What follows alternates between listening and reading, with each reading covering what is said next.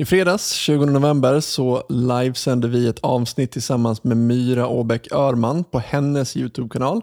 Eh, och vi skulle snacka om internetkultur, men istället så blev det en diskussion om framtidens fullt automatiserade frihetliga höger och vänsterpolitik. Och eh, om hur man liksom verkligen uppnår grundtrygghet med individen i centrum.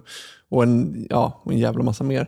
Eh, Veckans avsnitt är en något nedkortad del av det samtalet, vilket ja, det hörs ju liksom i kvaliteten. Och, men ja, som, som man är van vid nu i det här coronaåret så är det ju att poddar kanske inte alltid låter helt eh, perfekt, så att ni får stå ut med det. Eh, jag ska säga också att vill man se våra vackra ansikten samtidigt som man lyssnar på, på hela samtalet så går det bra att titta på videon som finns länkad i beskrivningen till, eh, till det här avsnittet. Sådär, då återstår det väl bara att önska er en trevlig lyssning.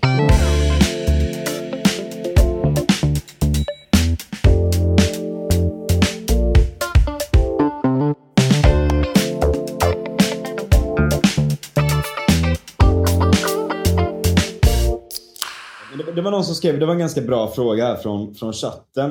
Mm. Uh, ska vi se här. Varför är extremhögern, eller uh, inom parentes extremhögern, mm eh, störst och värst och så vidare på internet. Eh, och Jag har en ganska bra tes om det som kanske inte är min egen. Eh, antagligen mm. inte. Eh, men, men det är ju ett ihoppusslande av väldigt många andra eh, smarta människor. Och Jag tror att det handlar om att eh, vänstern har haft, alltså i så att säga det förra paradigmet med media, det vill säga tidningar, tv-kanaler, journalistik. Eh, Hollywood. Hollywood eller vad fan som helst. Liksom. Där har vänstern haft, eh, alltså, och då är det både vänstern och kanske liberaler och socialliberaler. Liksom. De har mm. haft väldigt, väldigt, mycket mark där. Ja, eh, alltså tittar man på här, människor, som är, människor med högskoleutbildning är ju oftare mer åt vänster än åt höger. Vilket innebär att ja, journalister... journalister de är mer liberala än vad ja. de är Ja, ja men absolut. Alltså, de är mer, men ja. Det är därför jag menar att den auktoritära högern har inte haft supermycket representation i media. Dels för att jag tror att det är en viss typ av människa som dras till journalistik till exempel. Du måste ha en typ av eh, empati, en vilja att se andra människors situation och sådär som jag tror är vanligare hos folk som är mer åt vänster. Ja. Um, Därför att du måste liksom ha ett intresse för strukturer, du måste ha ett intresse för personers berättelser och sådär. Ja. Men också och, och, då att du är utbildad. Alltså, eftersom att det inte funnits ett utbud, liksom, när YouTube och allt det här kom, så var det helt plötsligt väldigt många som kunde ge sig in där, börja skapa content och börja helt enkelt eh, ja, alltså nå väldigt, väldigt många människor som inte hade något alternativ än det. Mm. Och då mm. puttas de upp i algoritmerna, vilket får en effekt av att fler personer får upp det i förslag ja. på sina saker och så vidare och så vidare som gör att de i slutändan kanske också övertygas. Jag tror också att ska man titta på mm. extremhögern och andra typer av, alltså alla andra typer av extremister, så bygger ju mycket av deras kommunikation på eh, alarmism till exempel. Um, som är väldigt klickvänligt. Jag ska ta bärs ja. Det är extremt klickvänliga budskap. Det är liksom du, Varför du typ spelar... alarmism? Ja, men alltså, om man tittar på extremhögern så är det ju väldigt mycket så här, vi, vi, vi är under hot från eh, Aha, invandrare ja. eller om tio år kommer alla vita ha utrotats och så vidare. Och det är väldigt, så här, väldigt stora, feta, skrämmande rubriker. Och sånt vet vi ju drar till sig människor. Mm. Eh, så det är väldigt svårt att tävla med. Jag har ju haft samma problem när jag har till exempel Alltså när jag tittar på rörelser som porrfri barndom eller sådana som i, har väldigt mycket samma alarmism inbyggd i sin kommunikation. Mm. Man använder sig av väldigt mycket starka värdeord, man använder sig av väldigt mycket eh, att skrämma folk och göra folk oroliga. Och det, är, det funkar väldigt bra. Liksom. Um, ja. Det är därför ja. löpsedlar ser ut som de gör. Så det är väldigt svårt att tävla oavsett om du är sansad höger eller om du är sansad vänster. Så är det väldigt, väldigt svårt att tävla med det där. Ja, verkligen. Det är, det är, det är någon konstig grej att, att folk som är extrema på något jävla vis får väldigt mycket inflytande. Jag tänker på du sa porrfri barndom, det låter lite så här eh, radikalfeministiskt. Du som har knarkdebatterat, om du tänker på vad heter de, narkotikafritt Sverige. Mm. Det är det fast med porr. Ja, okay. Det är exakt samma. Jo, men för jag tänker just radikalfeminister har ju ofta någon sån här, de älskar ju att prata porr och eh, dra på Fast de här är inte radikal, det är det som är så porr. intressant. De här Nej. är inte radikalfeminister överhuvudtaget. Nej, radikalfeminister funkar inte sådär bra. Alltså, nej, de är inte, de är inte radikalfeminister alls. De är mer så här hem och skola, narkotikafritt Sverige-kärringar. Jaha, har vi fått en, en, liksom en sån här eh, kristen höger eh, liksom, puritanism i Sverige? På, alltså, ja. som, Jävlar. Ja, ja, ja. Bara det att det sprids ju av feministiska opinionsbildare som också är emot porr för att de mm. har typ en feministisk analys eller sådär som säger att det är dåligt. Ja, det är Baptist and boot, bootleggers. som, som, gör, som gör gemensam sak. Vi behöver tillbaka med Frank Zappa då, antar jag. Mm. Jag saknar honom i, oh, i gud, debatten. Jag med.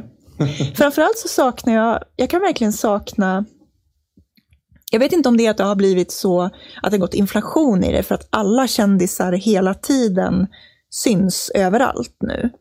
Jag har reflekterat några gånger över hur okola artister och sådär har blivit, därför att man kan följa dem i sociala medier och liksom se när de äter gröt på morgonen och så tar det bort lite av mystiken. Mm, um, men också, det känns inte som att vi har riktigt, vi har inte riktigt den typen av eller så är det bara att jag inte känner till dem, men alltså det känns som att vi har väldigt ont om personer som är bara kulturutövare, eh, som inte försöker vara politiska pandits. Liksom. Eh, mm. jag, vet, jag tänker på typ Aron Flam som gjorde väldigt politisk stand-up, men sen gick över till att typ bara jobba med politisk opinionsbildning.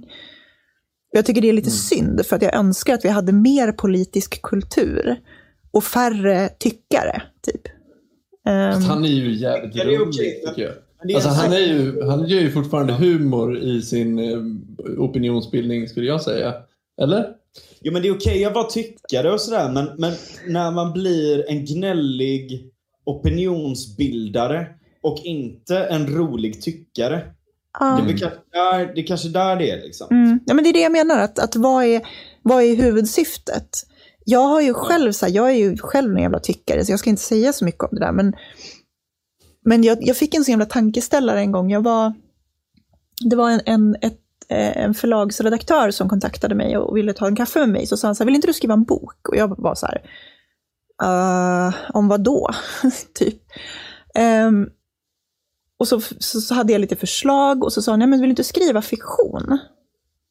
Och jag bara, ja, mm. jo, fast så här, jag tycker de här frågorna är viktiga. Och så sa han att jo, fast du kan ju lyfta politiska frågor i fiktion. Du kan ju göra konst eller kultur som inte är uttalad politik, men fortfarande få folk att tänka på politiska frågor. Det kan till och med vara lättare att få folk att ta till sig det, när det inte mm. är utformat som politik. Eh, och det är fan sant. Eh, mm. Och det är ganska befriande att göra faktiskt också. Så, så, länge man inte skriver, så länge man inte skriver folk på näsan eh, när man försöker göra det. Liksom. Ja, men vad fan. Eh, Titta på så... 1984, liksom. det är ju, eller När världen ja, skälvde, om vi ska ta ja, Frans ja, favoritbok. Mistress också. Mm. Väldigt bra World. Ja. Nej, men alla, alla de är ju politiska, jätte, jätte uttalat skulle jag säga, superpolitiska. Mm. Eh, mm. Men de har ju också en berättelse i sig, en saga som är ja. Har ett värde utan, utöver att det bara är propaganda. Liksom. Mm. Men inte det lite grejen med memes och sådär också? För att jag menar de memesen som är alldeles för tryhard och du vet Alltså det, det, finns ju en meme om vänstermemes att det bara är liksom lång, lång, lång text. Ja förklara memen liksom. Mm. Det där meme som jag tycker är skittöntigt för högen är fan one trick ponies liksom. Mm. Uh, och, och sådär, eller extremhögern är det. Vi liberaler är inte det vill jag säga. jag tar avstånd. Nej, men, alltså, när det kommer till att göra politiska memes och allt sånt där så är det också det.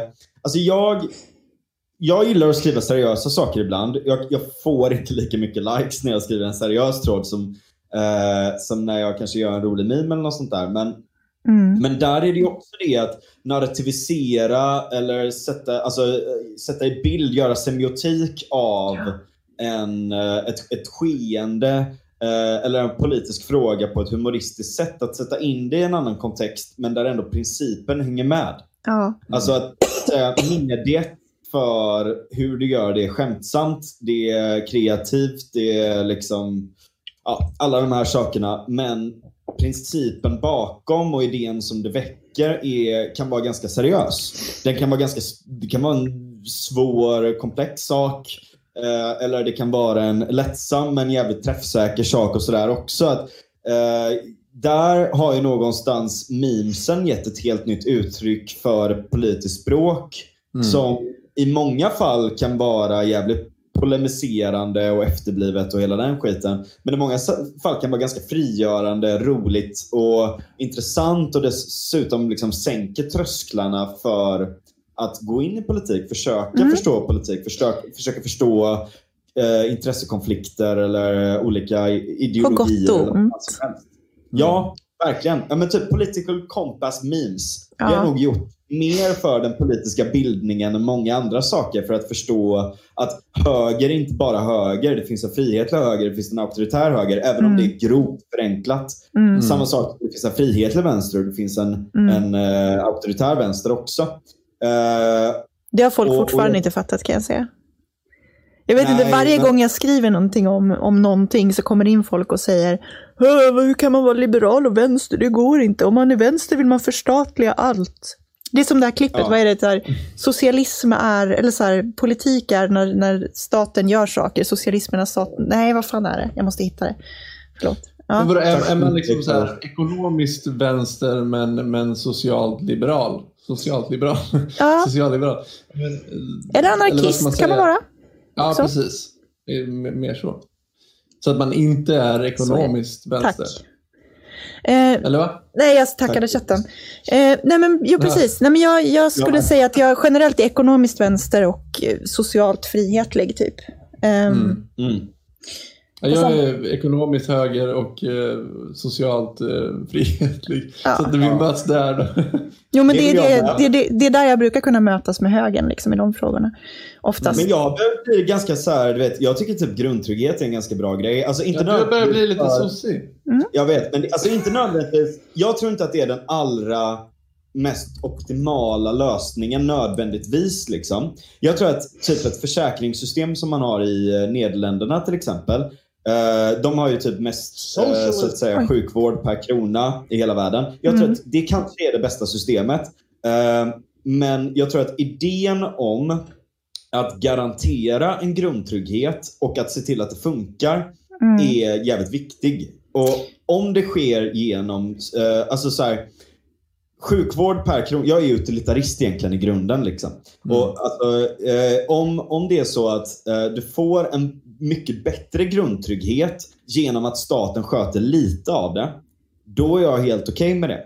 Mm. Men om det är att marknaden är bättre så har jag verkligen ingen principiell ståndpunkt att det är bättre att staten gör det. Det låter som en smutsig sosse, Frans. Nej, men alltså, jag, jag, nej, men, nej, men jag, nej, nej, men jag, jag håller med. Alltså, nu går han igång på alla cylindrar. jag, jag, jag, ska visa, jag ska bara visa det här klippet för chatten.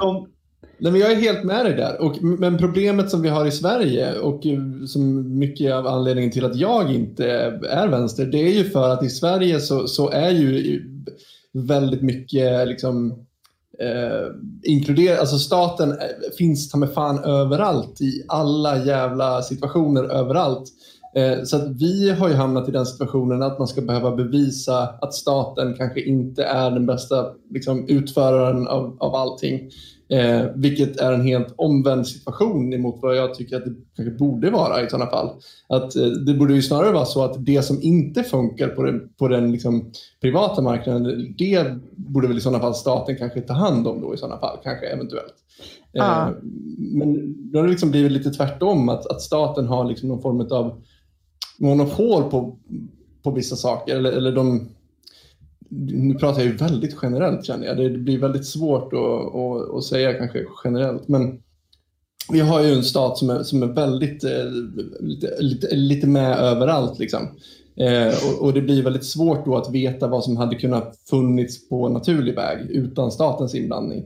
Om vi mm. säger så. Jag ska ja, bara faktiskt. spela den här för, för chatten, för den här är så bra. Eh, ja. Jag är ledsen, ni får, ni får höra den i efterhand sen. Socialism is when the government does stuff. And it's more social. Då sitter du och roastar uh, din lagg i chatten. And if it does a real lot of stuff, jag lagg? Communism. Ja, du laggar... Uh, din, nej, alltså, du, din röst laggar inte, men uh, din kamera laggar. Mm. det är bra att rösten laggar i alla fall, det är det viktigaste. Ja, det är skönt. Ja, jag var tvungen att spela, spela eh, klippet. Socialism is when the government does stuff and when the government does a lot of stuff it's communism. Typ. Ja. Eh, det är ett fantastiskt klipp. Ja, men jag, jag länkar det till er så kan ni få titta på det vid sidan om här. Vänta en sekund. Okay. Jag var tvungen att bara visa det för chatten först. Eh, Common ground. Vadå, vad sa du? When government does some things it's socialism, eller vad sa du? Ja, alltså jag, jag hatar att jag inte kan spela det för er i samtalet bara. Det kan jag säkert på något sätt, men vänta ska ni få en länk. Jag ska bara ta bort den, min sök, mitt sökresultat ifall att det är något incriminating där. Så. Jag håller på är videoproducent här för, för tillfället. är lite... ja, det är bra. Jag måste verkligen springa och kissa, jag gör det mm, gör det. Eh, nej, men jag, jag kallar mig frihetlig... So oj, nej, inte igen. Eh, jag kallar mig frihetlig, frihetlig socialist för att jag tror att eh, jag tror att socialism är en förutsättning för att vi ska kunna känna, eh, ha frihet på riktigt. Eh, jag tror att, precis som Frans var inne på, att för att du ska ha frihet så behöver du ha dina grundtryggheter säkrade. Jag skickar ett meddelande till dig här på Discord. Jo, alltså Eller nej, fan, jag, lägger den i, jag lägger den i Facebook-chatten. jag. Jag, jag är helt med på det resonemanget. Eh, jag tror också att man behöver en grundtrygghet. Eh, men jag tror nödvändigtvis inte att, eller jag tror inte att staten nödvändigtvis är den som kanske är bäst utförare av den eh, grundtryggheten. Så att, eh, där är jag helt med. Men mm. det är mm. bara att man, man tänker att det löses på olika sätt. Jag läste, jag pluggar juridik ehm, och jag läste en hel del om kommunen nu. Och jag har inte haft så bra koll på det tidigare. Men tydligen så är det så att kommuner får ju utföra vissa tjänster till sina invånare eh, som inte görs av en näringsidkare för tillfället. Mm. Eh, och de får inte gå med vinst. Eh, och då blir man ju lite så här, okej, okay, men säg att kommunen går in och gör en viss sak. Eh, hur kan man veta om det inte kan komma in en näringsidkare året efter liksom, och hade kunnat gjort den här saken? Och det hade kunnat bli konkurrens och det hade kunnat komma in fler aktörer. Eh, hur vet man det innan? Eh, men då har man redan gått in med en kommun som gör en sak som inte går med vinst, eh, vilket också blir ett problem för att kan du inte gå med vinst så kommer du alltså då har du inget incitament att utveckla din verksamhet heller, vilket gör att det kommer vara, eh, du kommer aldrig bli bättre, du har inga incitament att göra liksom, verksamheten bättre och, och mer liksom, hållbar om man, om man tänker på miljön eller vad det nu är. Och det kommer alltid kosta lika mycket mer eller mindre. Det kommer aldrig bli billigare heller, för det finns inga incitament att göra någonting billigare heller. Så att, um, vad, vad, med, vad, vad vill jag komma med det? Jag vet inte. Jag hade någon... Jag hade någon Nej, men alltså det, det, där, det här är en ganska... Jag hörde vad du sa Daniel. En... Och, och det här är så jävla intressant för att alltså, kommunen har ju bedrivit helt jävla galna grejer. Typ eh, så tvätteriverksamhet alltså, och eh, jag menar nu, kolla i Göteborg, de, lägger, de lånar de där jävlarna, fucking sossar, vet du, i kommunen. De kommer här så lånar de, vet du hur mycket det är? Det är en miljard. för att bygga ett fucking badhus, eller sån här äventyrsbad i uh, uh, Liseberg. Med mm. hotell och med alla de här sakerna också. Alltså, Liseberg är kommunalt. What's the fucking point? Men jag, nu vill jag flika in här. här om man, ut, om man utökar hela tiden vad staten ska göra, så vad fan, varför inte bara fokusera så att det staten ska göra, det är några få saker och det gör den riktigt bra. Och det är de här grundtrygghetssakerna. Men jag vill ju inte att staten ska göra dem. Alltså jag vill ju inte att staten ska driva verksamheten. Jag vill ju att arbetarna ska driva verksamheten. Ja, du, det är lite mer åt det syndikalistiska hållet tror jag. Mm. Ja. Men alltså jag är ju men, socialist men, liksom. Helt med. Vem är det som driver verksamheten? Måste jag fråga dig, hur kommer det sig att det inte finns så många företag som drivs av arbetare på det sättet? Men vad menar ni när ni säger så? För att jag menar, folk som driver företag är ju arbetare också. Eller Måste man göra, måste man göra liksom en uppdelning mellan kapitalister och eh, proletärer? Liksom? Är det verkligen så vi så du, får, du, får, du får diskutera det med Marx, men, men, men, men alltså poängen här är ju att eh, istället för att, att en person eller ett par personer ska äga, styra, bestämma över till exempel ett badhus. Eller att en, ett par personer i en kommun ska bestämma över ett badhus. Så är det personerna som varje dag jobbar på badhuset som bör bestämma hur det ska drivas, hur pengarna som kommer in ska användas och så vidare. Men varför finns det inga företag som är så? Det finns ju företag som är så. Visst. Det finns ju kooperativ. Det finns, ja, nu, har inte jag, nu har inte jag tagit fram dem, för vi skulle inte prata om, om socialism idag, vi skulle prata mindre. Men det finns, det finns ganska bra studier på, på att kooperativ funkar, eh, är, är lika effektiva som ja, företag med en standard. Här, jag, vill, jag, jag, vill bara ha det bästa sättet att... Här, jag, jag, vill bara mm. ha de bästa ah. företagen. Jag är marknadsliberal. Liksom. Så att funkar det bättre, fine. Jag, jag, jag bryr mig bara om the outcome, mer eller mindre. Nu låter jag utilitaristisk och jag är inte utilitarist, men, men, men ja, där, där ser jag konsekvenser som, som um, det jag går på. Mm. Det är det som är så bra det är det som är så jävla bra med det liberala ramverket då. För då har du en viss grundtrygghet garanterad av staten. Och så kan du ha de här kooperativen utöver det som bedriver verksamhet som är styrd av arbetarna för arbetarna. Ja, absolut. Det är väl skitbra, låt dem göra det då. Men det är, en socialistisk, är här, en socialistisk princip. Alltså, socialism ja, betyder ju inte att vi ska förstatliga allting. Ja, Nej, nej absolut. Men, men det, det, okay, det är en socialistisk princip, men det fungerar i ett liberalt ramverk. Absolut. Där är bara här, den frihetliga socialismen borde ju snarare konkurrera med vanliga företag i så fall. Inte nödvändigtvis bara om kunder, utan även om arbetskraft. Liksom. Och där har ja. delningsekonomin, nya appar, nya möjligheter att kunna annonsera ut väldigt, väldigt stort allt det där. Och, och, och, dessutom att många personer vill handla etiskt och så vidare. Det borde ha mm. jättestor möjlighet till att eh, kunna resultera i sådana här företag. Men varför har den effekten uteblivit trots att eh, liksom Där, alla därför att, därför att det är fortfarande det är människor som sitter på pengarna för att starta företag till exempel och dra igång en verksamhet är inte så mm. jävla pigga på idén att de inte ska kunna ta ut stora vinster på det efteråt. Varför inte crowdfunda då?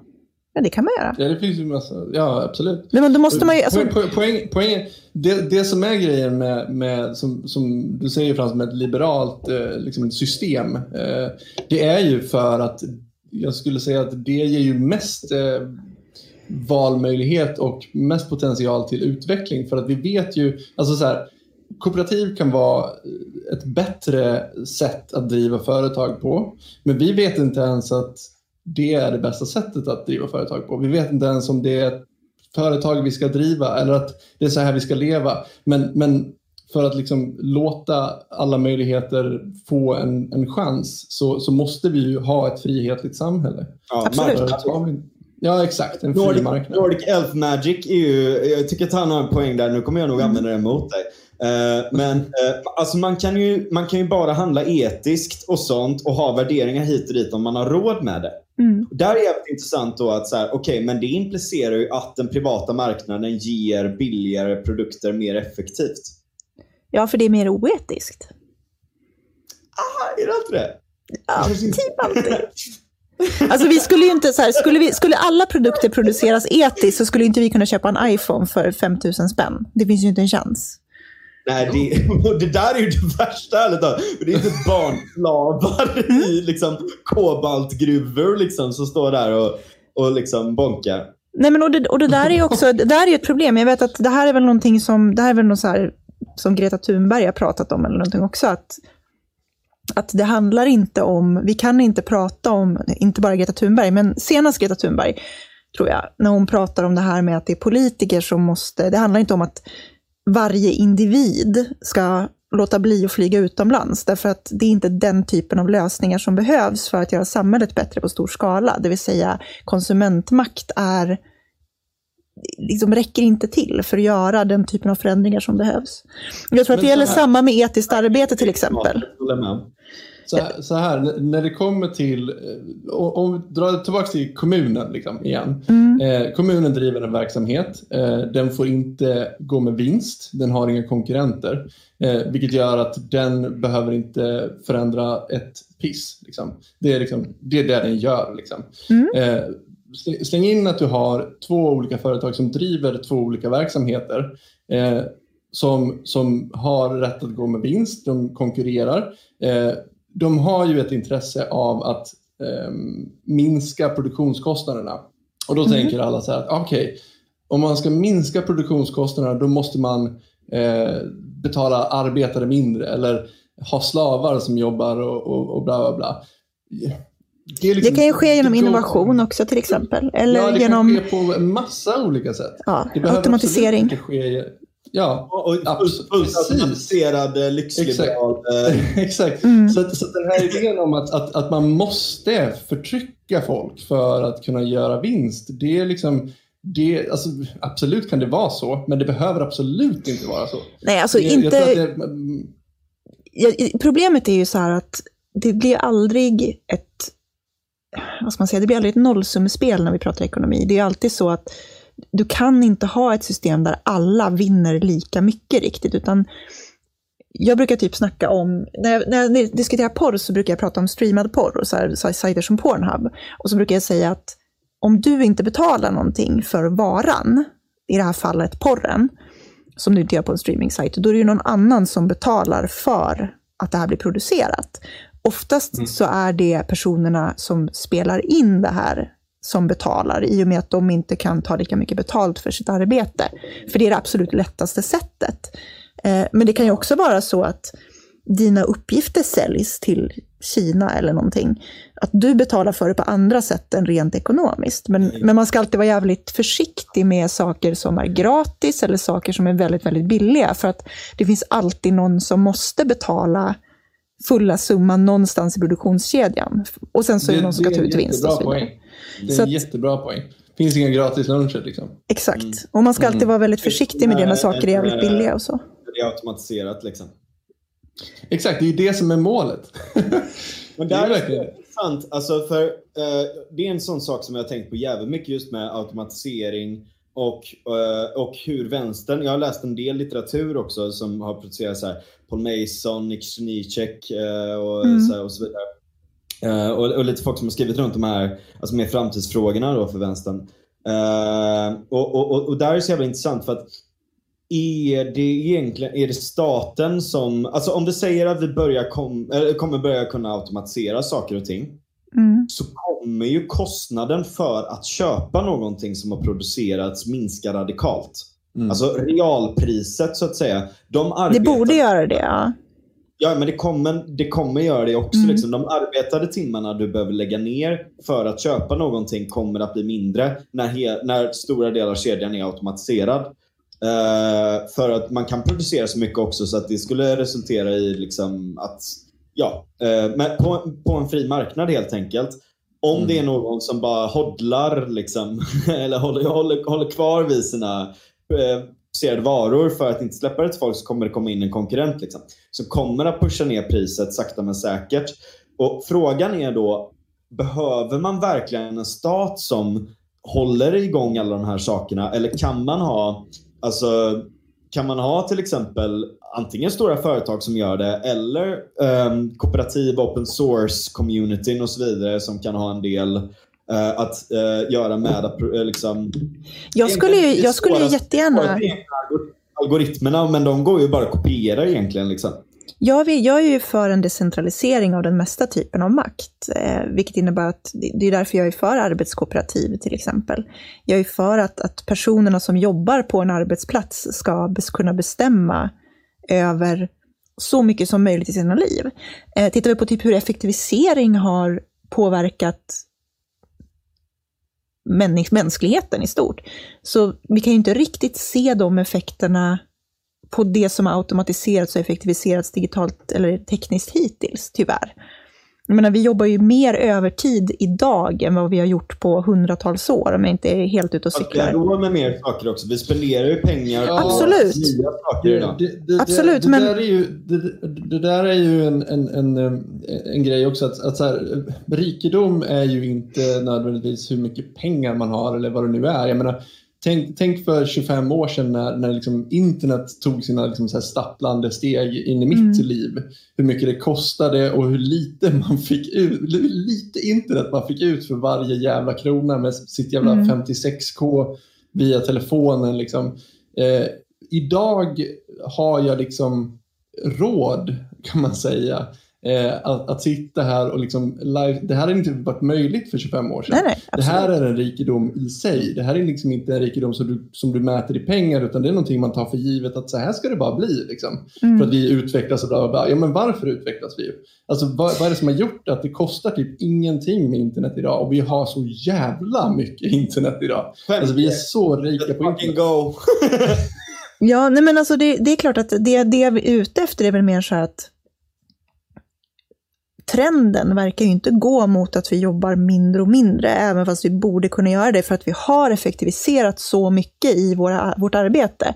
Vi har effektiviserat eh, vi, vi, vi, kan skicka e-mail och sätta upp möten i kalendern istället för att man ska ringa runt till folk eller skicka brev till folk. Alltså vi har automatiserat jättemycket i och med internet och i och med datorer som måste spara enorma mängder timmar i de flesta kontorsjobb till exempel.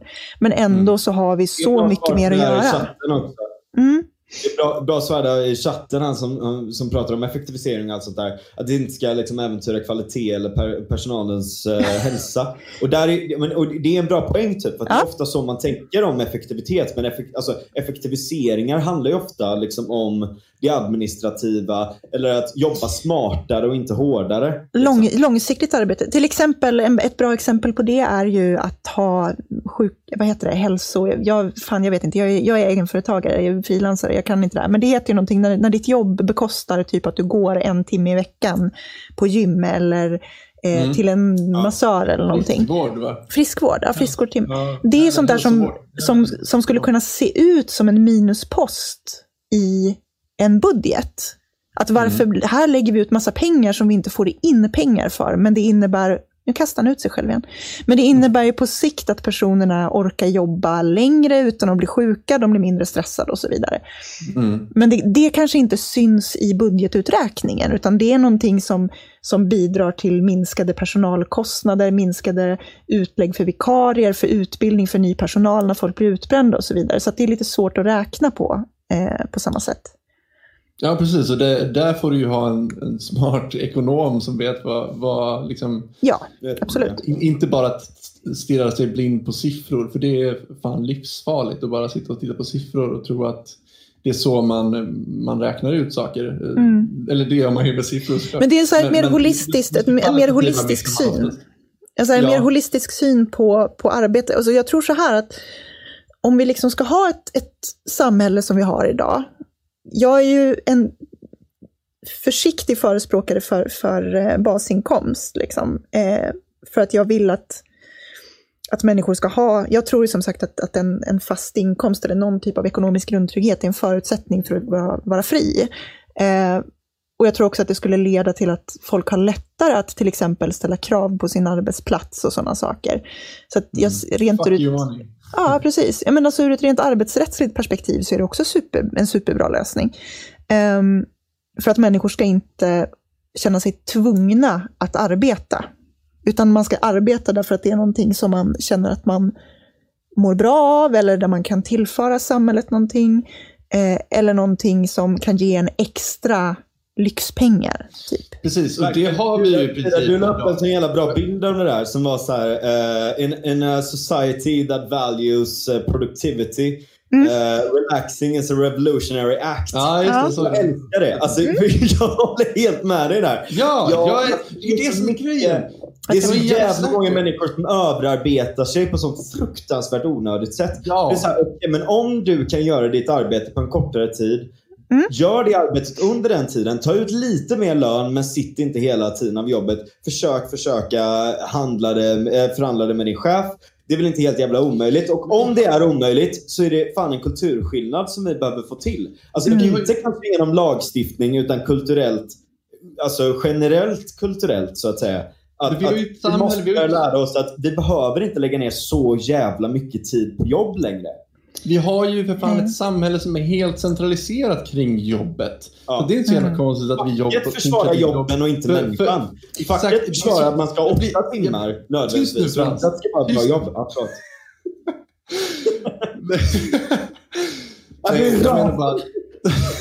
nu blir det så här brandtal. Ta fram såplådan. Ja, nu, nu kommer... Nej.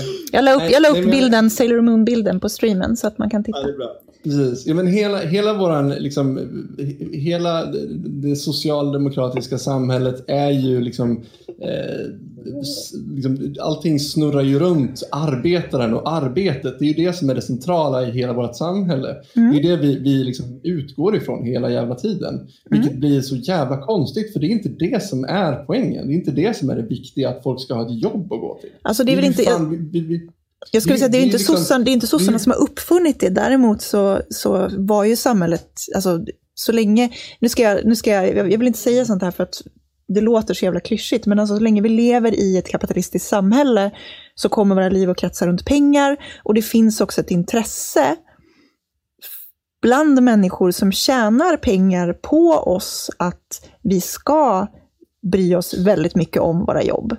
Eh, Precis. Så att, exakt. Jag är helt med dig. Men, men, men det jag skulle säga var... Men sossarna förstärker det därför att hela deras rörelse är byggd på att reglera det. Så att, att ja. Att, ja, precis. Exakt. Exakt precis så. Eh, problemet med det, det är att man kommer bort från vad jobb är för någonting. Vad, är, vad, vad håller vi, vad, varför har vi en massa jobb att gå till? Vad, vad, är det för, vad håller vi på med? Mm. Jo, vi har saker som behövs göras. I grund och botten så handlar det om att du behöver ha mat på bordet.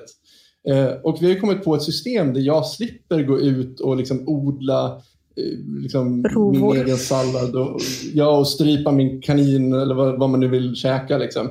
Eh, utan det har jag delegerat över till, till, till någon annan. Så jag kan strypa kanin känns som någonting som du tittar på Pornhub när du är på jobbet. Ja, precis. Eh, nej, men jag, jag har delegerat ut den uppgiften till någon annan och, och, jag specialiserar mig på någonting helt annat så kan vi byta, så kan jag mm. få det, så kan den personen få det jag specialiserat på. Det, det är det vi har hållit på och, och pysslat med. Liksom. Mm. Så att egentligen, det centrala är inte att jag behöver ha någonting att göra i livet. Utan det som, det som är det centrala det är att jag behöver få saker gjort. Alltså jag behöver få mat på bordet, jag behöver ett tak över huvudet. Du behöver ett eh, fungerande samhälle att leva i också. Precis. Så problemet är bara att så här, ju rikare vi blir, desto mer vi får de här sakerna, mer eller mindre utan någon ansträngning överhuvudtaget. Mm. Eh, hur kommer det sig att vi fortfarande jobbar liksom 40 timmar i veckan, 50 timmar i veckan, 60 timmar i veckan. Det är för att vi har en kultur där man, där man tror att arbetet är det centrala i livet. Det är sjukt det är att Vänsterpartiet är det enda partiet tror jag som har drivit frågan om sex timmars arbetsdag. Ja, Vilket jag tycker är helt bisarrt. Jag är helt med på, på den idén i, mm. i teorin. Men, men att man skulle införa det på någon sorts politisk väg, då, det här är ju en kulturell fråga. Och mm. jag tror inte att kulturen influerar, eller politiken influerar kulturen lika mycket som kulturen influerar politiken. Eh, så det är också att, att få det bakvänt. Men min mm. poäng är i alla fall att så, här, så kan vi komma till den punkten där vi inte behöver göra jobb, då behöver vi inte jobba. Nej. That's the fucking point. Nej, nej. nej, det är därför vi ska ha fullt automatiserad Lyx. Liberal, dekadent, rymd. Lyx, rymdanarki, ja. Um, nej men absolut, jag, jag är helt med dig där. Och det, jag hade en ganska lång diskussion uh, med Oskar Matti, som också är högerliberal, om, vi pratade integration och så pratade han om att uh, det var viktigt att vi sänkte arbetsgivaravgifterna för, vad är det som ringer mig? Det ser ut som ett skumt nummer, jag tänker inte svara. Jag ska ehm, bara springa på toa igen, jag ja, för mycket öl. Nej, men han, han pratade om att så här, vi måste sänka arbetsgivaravgifter och sånt för invandrare för att få ut dem i arbetslivet. Och jag argumenterade för att det finns inte ett egenvärde i att ha ett jobb. Det är inte att du har ett arbete som är det viktiga. Det viktiga är att du är en del av samhället.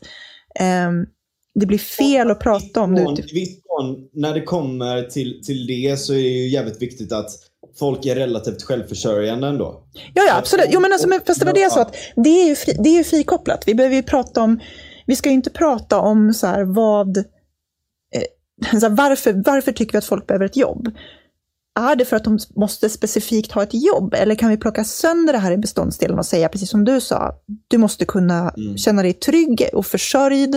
Eh, du ska ha någonstans att bo, du ska ha mat, du ska inte behöva oroa dig för att dina barn ska svälta. Det, det är ett grundbehov. Att ha ett jobb är inte behovet. Att äta och ha ett, ett, hus eller ett boende är behovet. Ja. Vad är det andra behovet? Det kan vara att lära sig språket till exempel. Eh, och att komma ut i samhället och lära känna människor i det nya samhället du har hamnat i. Så att istället för att titta på så jobb som att jobb är nyckeln till alla de här sakerna, så behöver vi titta på grundbehoven och försöka fylla dem på det sätt som är lättast. Absolut. Du kan fylla dem med ett jobb, men du skulle också kunna fylla det med till exempel medborgarlön eller basinkomst och eh, någon typ av annan communityverksamhet. Liksom. Jo, jo, men problemet är där också att så här, okay, men vem är det som ska betala det i slutändan? Alltså, om vi ska ha ett sånt system, säg att vi skulle ha eh, medborgarlön för alla som kommer hit som asylinvandrare. Eh, då skulle vi inte kunna ta emot så många mm. om de inte kommer in i arbete. Alltså, det, det, är lite det som är problemet, att ett öppet samhälle som är att föredra, eh, i, i alla fall enligt mig då, mm. eh, och enligt vad historien har visat också, de flesta öppna samhällena är, alltså de som är öppna för marknader, idéer och människor är de som har klarat sig allra bäst. Alltså det är eh, Men, naivt att tro att vi skulle kunna vara en, alltså nationalism i, nationalism år 2020 är typ det mest korkade som finns. Ja, alltså på riktigt. Civic nationalism. Alltså typ, eh, jag satt och kollade igår typ på, bara, bara som ett exempel. Jag satt igår och kollade på den här kartan med periodiska grundsystemet mm. och eh, att Sverige har tagit fram de flesta av det där. Alltså sån form av civic nationalism, att vara stolt över att Sverige har tagit fram så ja, ja. många. Alltså om vi säger patriotism, fine. Du, för du blir ju väldigt alienerad. Om vi ska prata i termer av eh, alienation och sånt där. Du blir ju, säg att du har ett jobb som kanske, alltså jobbet i sig är inte kanske det som definierar din identitet, ditt liv. Det är ett verktyg för att få bröd på bordet och för att få tillräckligt mycket pengar att kunna leva. Liksom. Då är det fortfarande ganska bra Alltså eftersom att vi är så narrativbaserade varelser så är det ganska bra att ha stolthet i, så att säga, det stora som du är eh, en del av så att säga. Alltså, för vi är du inte är en del av det här systemet. Du är en nod i det här nätverket. Liksom. Och eh, om du bara ser till din enstaka lilla nod, eh, då kanske du ser ditt liv som ganska meningslöst. Men om du ser att så här, okay, men på grund av att jag gör det här, på grund av att jag jobbar på ett lager så innebär det att vi kan sköta logistiken som får samhället att eh, rulla. Liksom. Mm. Men, nu, och, men det är inte den typen, jag, jag menar politisk nationalism, alltså typ protektionism, ja, sådana saker. Alltså nationalism ja. som, eller patriotism, eller att ha en grupptillhörighet. Helt jätteviktigt, absolut. Eh, sen finns det ju sunda och mindre, alltså du kan ju ha en inkluderande nationalism till exempel, eh, där du säger att eh, jag är stolt över mitt land och jag vill att så många som möjligt ska kunna få ta del av det. Eller du kan ha en exkluderande nationalism som innebär att du säger att vi ska stänga gränserna och ingen ska få komma hit för de är inte som oss. Typ. Mm. Um, men jag tänker mer på så här prote alltså protektionism och nationalism där du säger att vi ska stänga alla gränser, vi ska inte, vi ska, som Trump höll på väldigt mycket med det där, att vi ska ha alla fabriker, vi ska ta tillbaka alla fabriker och vi ska stänga mm. gränserna och vi ska producera allt inom landet. Nu är USA extremt jävla stort. som tog jobbet, det var maskinerna liksom. Mm, precis. Och det är ja. bara korkat. Den typen, mm. många av våra, våra lokala nationalister håller ju också på sådär. Mm. Eh. Men samtidigt så måste man ändå säga att, säga att man har, ja, det är skitkorkat och allt sånt där, men ett väldigt stort problem blir ju ändå där att om man ska ha ett öppet system som det här, så måste det ändå vara gör din plikt, kräv din rätt i viss mån. Mm. Alltså det måste vara så att. Om, om vi ska kunna ta emot väldigt många och inte bara ge medborgarlön till exempel till en invandrare som kommer, då måste det, alltså det måste finnas mm. någon form av incitament för att gå in och arbeta och eh, göra sysslorna som får hela samhället att gå runt. Precis. Om vi ska ha hela Filip Johansson säger, Filip Johansson, liksom. han säger i chatten här, basinkomst går ihop ekonomiskt om vi avskaffar kommunalt försörjningsstöd, stöd, Arbetsförmedlingen och CSN. Se Christian, Bra, Christian Engström Christian Engström har skrivit en jättebra, jättelång bloggserie om det här. Jag tänkte bjuda in honom och prata basinkomst faktiskt, någon mm. dag till streamen. För att jag tycker att det är en sjukt bra idé. Jag har förstått av det, det lilla skummande jag har gjort att det skulle gå ihop mm. ekonomiskt om vi skulle ta bort alla de här stödsystemen. Så här, får, får jag bara komma in med en grej? För det var en jättebra poäng som, eh, vad heter han, Filip mm. gjorde där. Um, jag tror att så här, lite det Frans är inne på, alltså, vi i Sverige har ju en ganska extrem kultur som jag tror att vi inte riktigt är medvetna om för att vi simmar runt här och, och, och tänker att eh, ett jobb ska man ju ha och det, nu ska vi gå till jobbet varje dag här och så ska vi göra det hela livet tills vi dör och sen eh, det är liksom det vi, vårt liv går ut på mer eller mindre. Mm. Eh, och, och, vilket gör att så här, då kan man ha ett system där liksom så här, om du inte har ett jobb, då kan vi ha alla de här jävla... Va? Ja, men om vi inte har ett jobb... om vi inte har ett jobb eh, av någon anledning, vi har fått sparken eller vad det nu är, då, då kan vi ha alla de här skyddsnäten för att eh, normalläget för oss det är att man går till jobbet. Liksom. Mm. Eh, men om vi ska ha öppna gränser samtidigt och som du säger då, säg att vi ska införa bas eh, till exempel eh, och det kommer hit folk eh, som kanske inte alls ser det på det sättet eller det kanske kommer hit folk och ser det på det sättet och sen kommer de inte in på vår arbetsmarknad för att den är så jävla mysko på så många olika sätt. Där tror jag absolut att vi skulle kunna ha medborgarlön som en övergångsfas eh, till att vi behöver tänka om kring jobbet som det centrala i mm. samhället och det centrala i livet. Eh, att, eh, jag tror att vi, alltså, vi kommer behöva göra det här ändå. I och med automatisering av en massa ingångsjobb så kommer vi mm. ändå inom, jag vet inte hur många år, men inte särskilt många generationer, så kommer vi ändå vara i en situation där vi inte har jobb eh, till alla. Snarare, så vi kommer behöva ställa om vi samhället. vi kommer ha möjligheten att kunna ge folk medborgarlön. Mm. Men alltså, eh, in, om, om vi pratar så ingångsjobb Uh, och att det är de som kommer försvinna, det är inte nödvändigtvis det. För att tjänstejobb är i dagens läge de svåraste att automatisera. Ja. Och tjänstejobb är ofta ingångsjobben för väldigt många människor. Det är sant. Uh, utan det som snarare kommer automatiseras är ju, uh, och då kan jag liksom... Men, bara snabbt inflik, tjänste...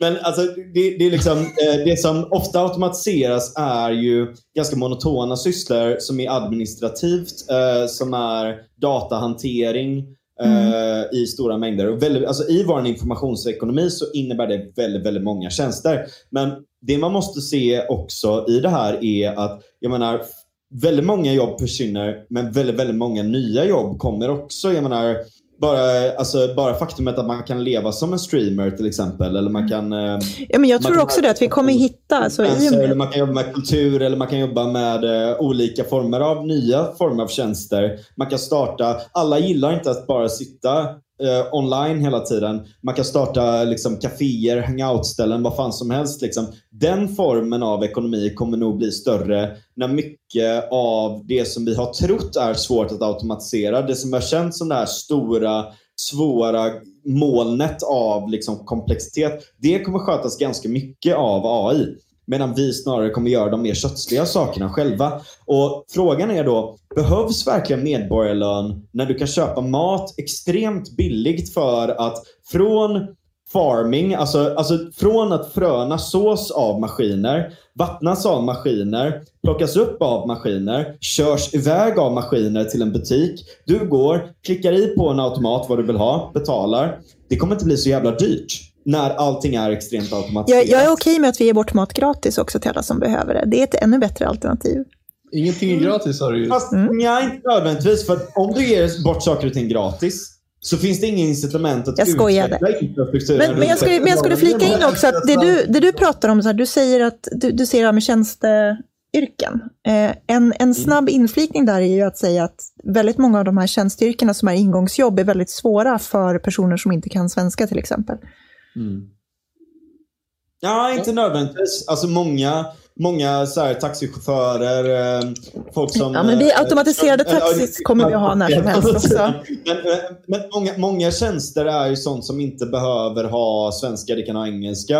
Eh, det behöver inte sägas några ord alls, men absolut, det är en väldigt, väldigt stor faktor. Min grej är så här att, att, att för du sa tidigare, jag vet inte om du menade det helt så, men att just att eh, tjänsteyrken inte automatiseras eller kan automatiseras. Ja, det, det, det, det, finns en komplexitet i många tjänsteyrken som ja, ja, är svårt att automatisera. Ja. Precis, och då är det ju skönt att vi blir mer och mer komplexa så att de också kommer att automatiseras. Och det, det vi måste förstå är att vi kanske inte kommer ha jobb i framtiden i, på det sättet. Nej, men det är därför jag tror att vi måste lägga om. Vi måste börja Alltså vi måste ju lägga om hela, hela samhället. Jag tycker, också, jag tycker också personligen att vi har en situation där där marknadsekonomin inte riktigt gör sitt jobb. Eh, vi, har, vi har liksom ett system där, där jordens resurser är enormt ojämnt fördelade på ett sätt som jag tror att vi måste lägga om eh, ganska omgående. Eh, inte, inte bara för att det är orättvist, utan också därför att det skapar en jävla massa konflikter i samhället. Titta på USA. Liksom. Det de mm. håller på med nu, konflikterna som de är inbegripna i nu, handlar till väldigt stor del om ras, men det handlar också ganska mycket om eh, alltså att det är enormt stora klassklyftor i USA. Och de har blivit lovade ett mm. system som är rättvist och ett system där, the American dream, men det, det, systemet finns inte, det har kantrat och fungerar inte längre. Det är så jävla dyrt att utbilda sig, att, att människor liksom är fast i sin situation. Deras barn kommer fast. Det finns en ärftlig fattigdom och sådana saker. Så att det där kommer vi också behöva hantera på sikt. Ja, mm. Det där är ju ett problem. Det där är ett problem. Alltså just det här med i USA, eller Kina också, det, det är någon sorts grej om att så här, företag blir stora och får mer eller mindre monopol på sina individuella marknader. Eh, de liksom, mer eller mindre jobbar och är ansvariga liksom, direkt för, inför politiker mm. som också tjänar jättemycket på att, att det finns bara några få företag som sticker upp som, som de kan deala med. Så att säga. Det blir ju som ett, som ett, ett, ett till land som, som finns inom landet mm. som, som de kan ha en direkt kontakt med. Det är ju mycket lättare att kontrollera och ha en dialog med ett företag än med tusen olika företag som krigar på en marknad. Liksom. Såklart. Eh, så att, så att det, USA har ju blivit ett väldigt centraliserat eh, land i, i den bemärkelsen. Mm. Eh, och det är ju ett problem, för hur, hur kommer man ifrån en sån sak? Det är ju det, är ju det som är själva knäckfrågan. Man, man vill ju eh, decentralisera eh, framförallt liksom, marknaden. Eh, eller jag tror att den är det i grund och botten. Det, är ju no, det, det finns ju de som vill centralisera saker. Men det, hur, hur får man bort det? problem här eh, som, som också togs upp i chatten innan. Eh, ska vi se vem fan var det som sa det? han Sadropol där. Mm. Men då måste man ju fundera på vad som skapar värde i ekonomin. Om det kommer vara re realekonomin så kommer det som äger alla robotar och AI-grejer som sköter produktionen att vara enormt mäktiga. Han har en jävligt bra poäng här som kanske mm. är den stora knäckfrågan i allt det här. Man borde ju tvingas open source allting.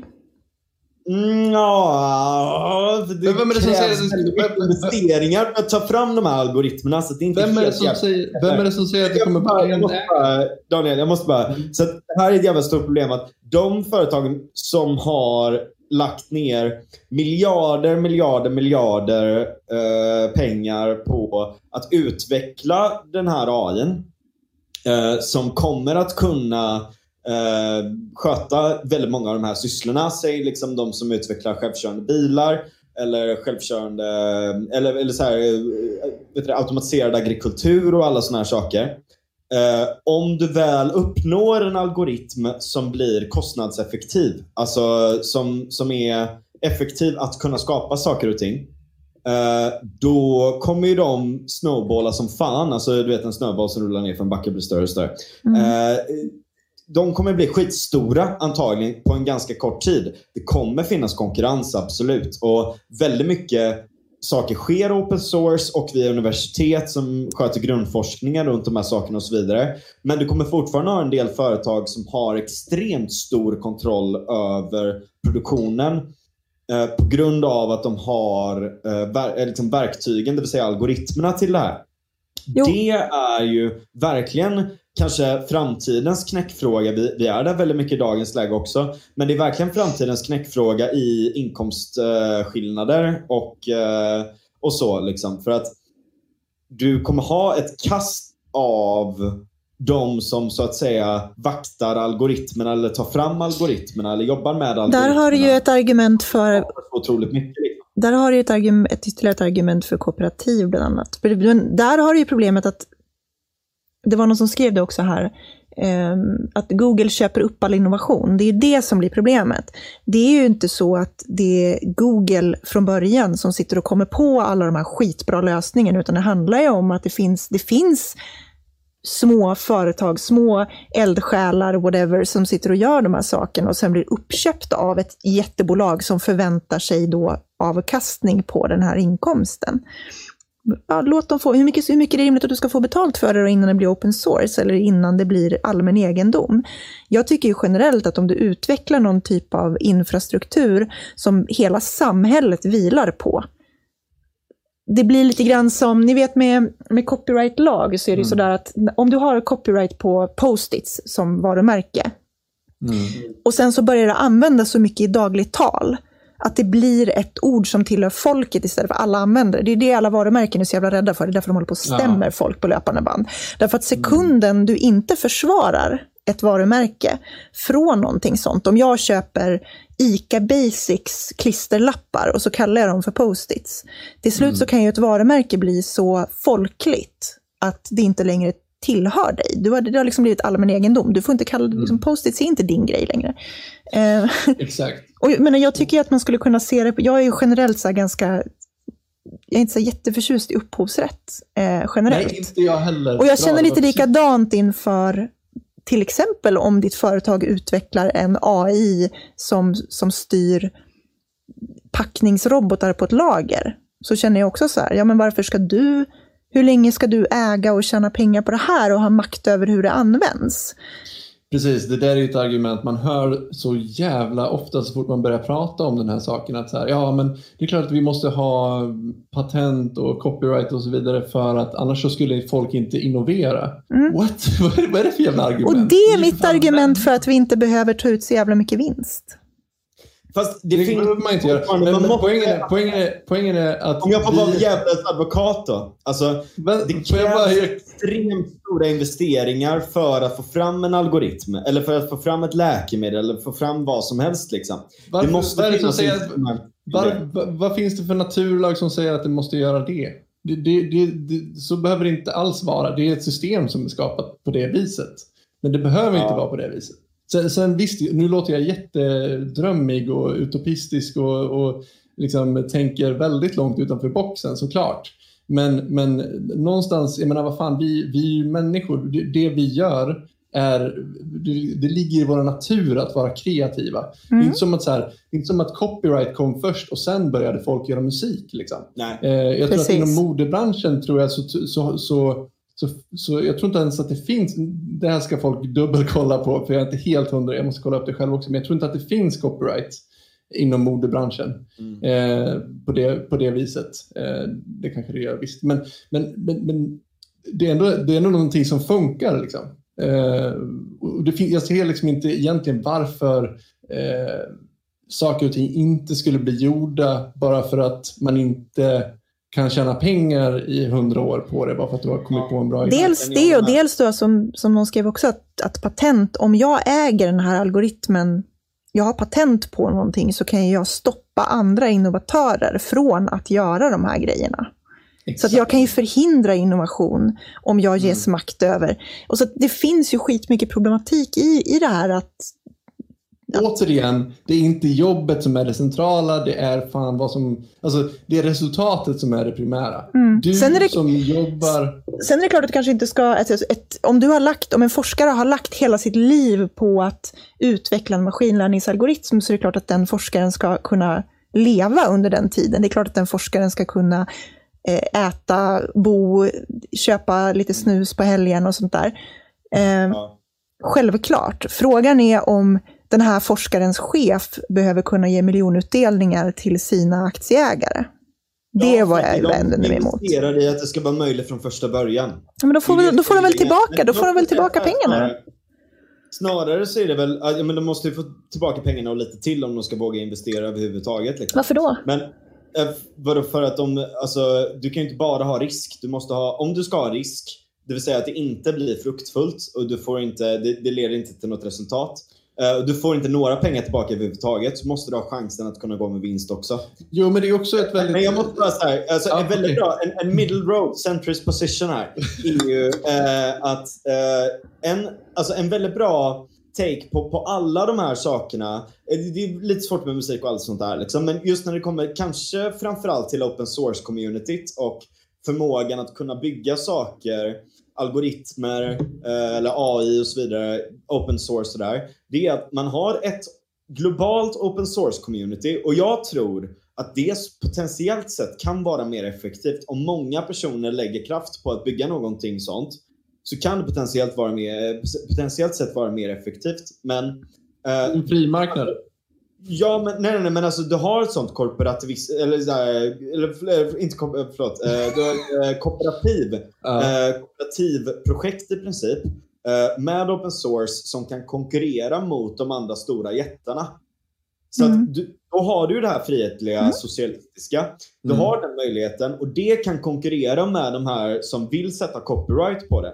Så länge man har möjligheten till det och så länge inte copyrightlagarna är för hårda eller patentlagarna är för hårda så att det fortfarande går att ha en form av open source-verksamhet globalt så är det en väldigt, väldigt bra motpol Eh, som sätter en konkurrens mot företagen att inte gör, ta ut för mycket pengar i vinst mot det som de puttar in i investeringar för att skapa nya saker. Men väldigt mycket av alltså allt kapital och alla investeringar och all utdelning och allt sånt där. Det är ju ett liksom, från och tillspel i investeringar, vinst. Investeringar, vinst. För att när du tar en risk med en investering, som sagt så måste du kunna gå med vinst för att det ska vara värt att kunna fast, betta bort alla dina pengar. Fast är det så att vi ska, fast ska vi verkligen ha ett, ett system då där du är beroende av ett ganska, en ganska liten mängd människor som har det ekonomiska utrymmet att kasta miljarder på uppstartsprojekt. Och du måste ha det för att du ska kunna lyckas, för att du ska kunna försörja dig på det du vill göra. Jag är ju, jag är ju generellt emot Precis. hela tanken på alltså, att överhuvudtaget, jag är inte superförtjust i, i att man ska kunna tjäna pengar på att ha pengar, att kunna hantera pengar. Du ska inte kunna försörja dig enbart på att kasta in en miljon här och ta ut två miljoner i vinst. Därför att då tycker inte jag att du bidrar med någonting till samhället. De pengarna ska... Ja, annars skulle ah, folk inte... Nej, för att om de pengarna var fördelade ut bland befolkningen så skulle alla som jobbade med projektet kunna lägga in en tusenlapp var istället. Men jag tror att du får... Alltså det är ju... Det här är ju att vi har ett felaktigt system från början. Åter, å, precis, å, återigen så, så om, om vi går tillbaka till den här kommunen då, som jag pratade om, om tidigare.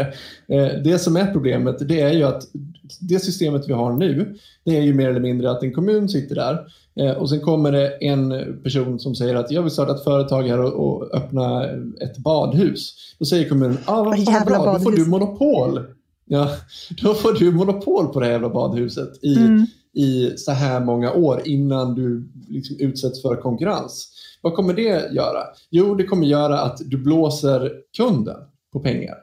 För att Eh, om du inte skulle ge den här maktmonopolställningen till den här företagaren så skulle ju förmodligen, eh, eventuellt, det kan man inte heller säga garanterat, men du har i alla fall inte stängt dörren för att det skulle kunna komma in en konkurrent, vilket gör att de här två kan konkurrera, vilket kunden är den som vinner på. Och det är ju det som är poängen. Det är kunden vi, vi vill sätta i, i centrum här.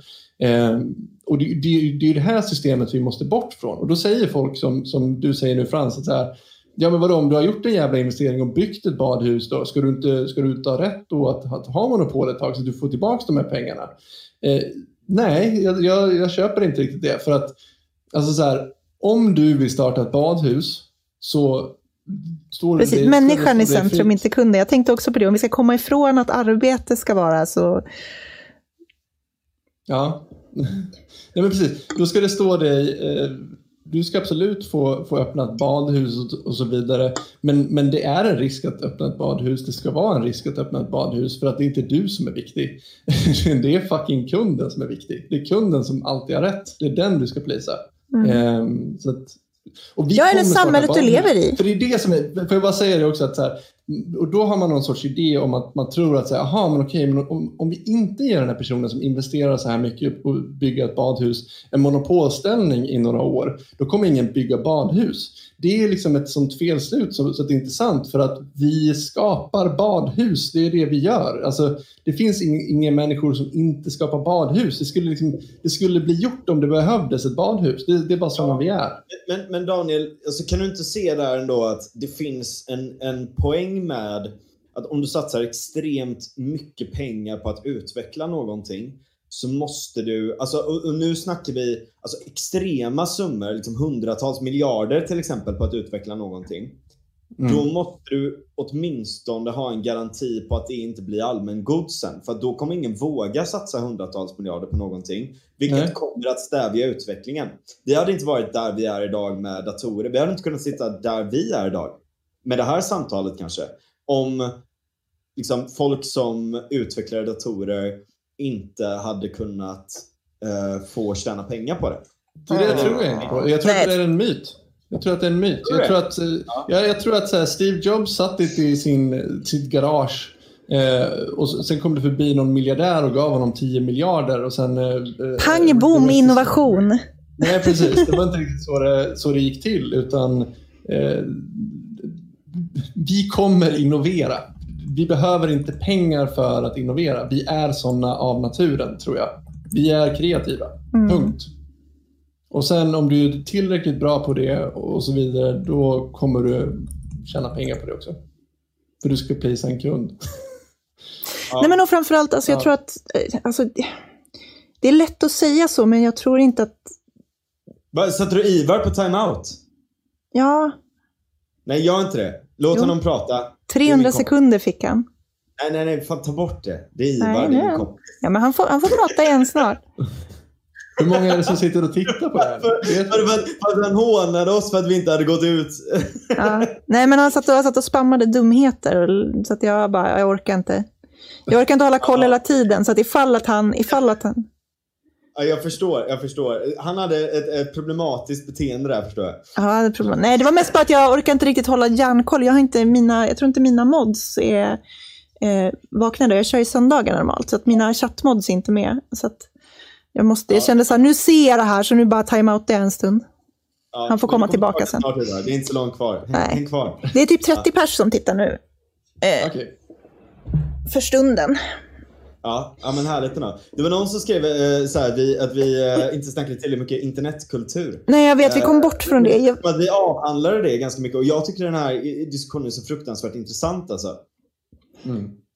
För det känns som att alla, för, för här är det, det finns en sån jävla Uh, intressant skiljelinje som, uh, alltså, eller en intressant uh, enande grej mellan mm. liksom, den frihetliga högern och den frihetliga vänstern i just de här frågorna, framtidsfrågorna och sådär. Mm.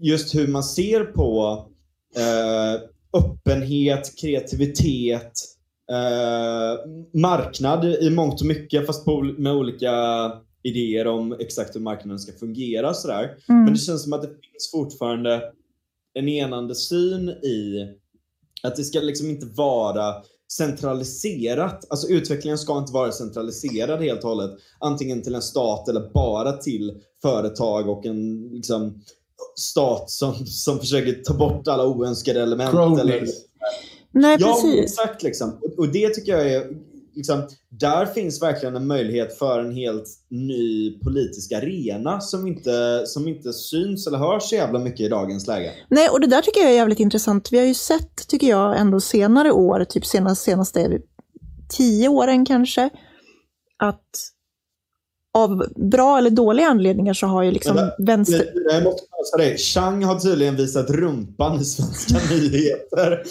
Det förvånar mig inte. Det känns ändå som mindre kränkande än typ allting annat han producerar. Så jag, jag är helt okej med det.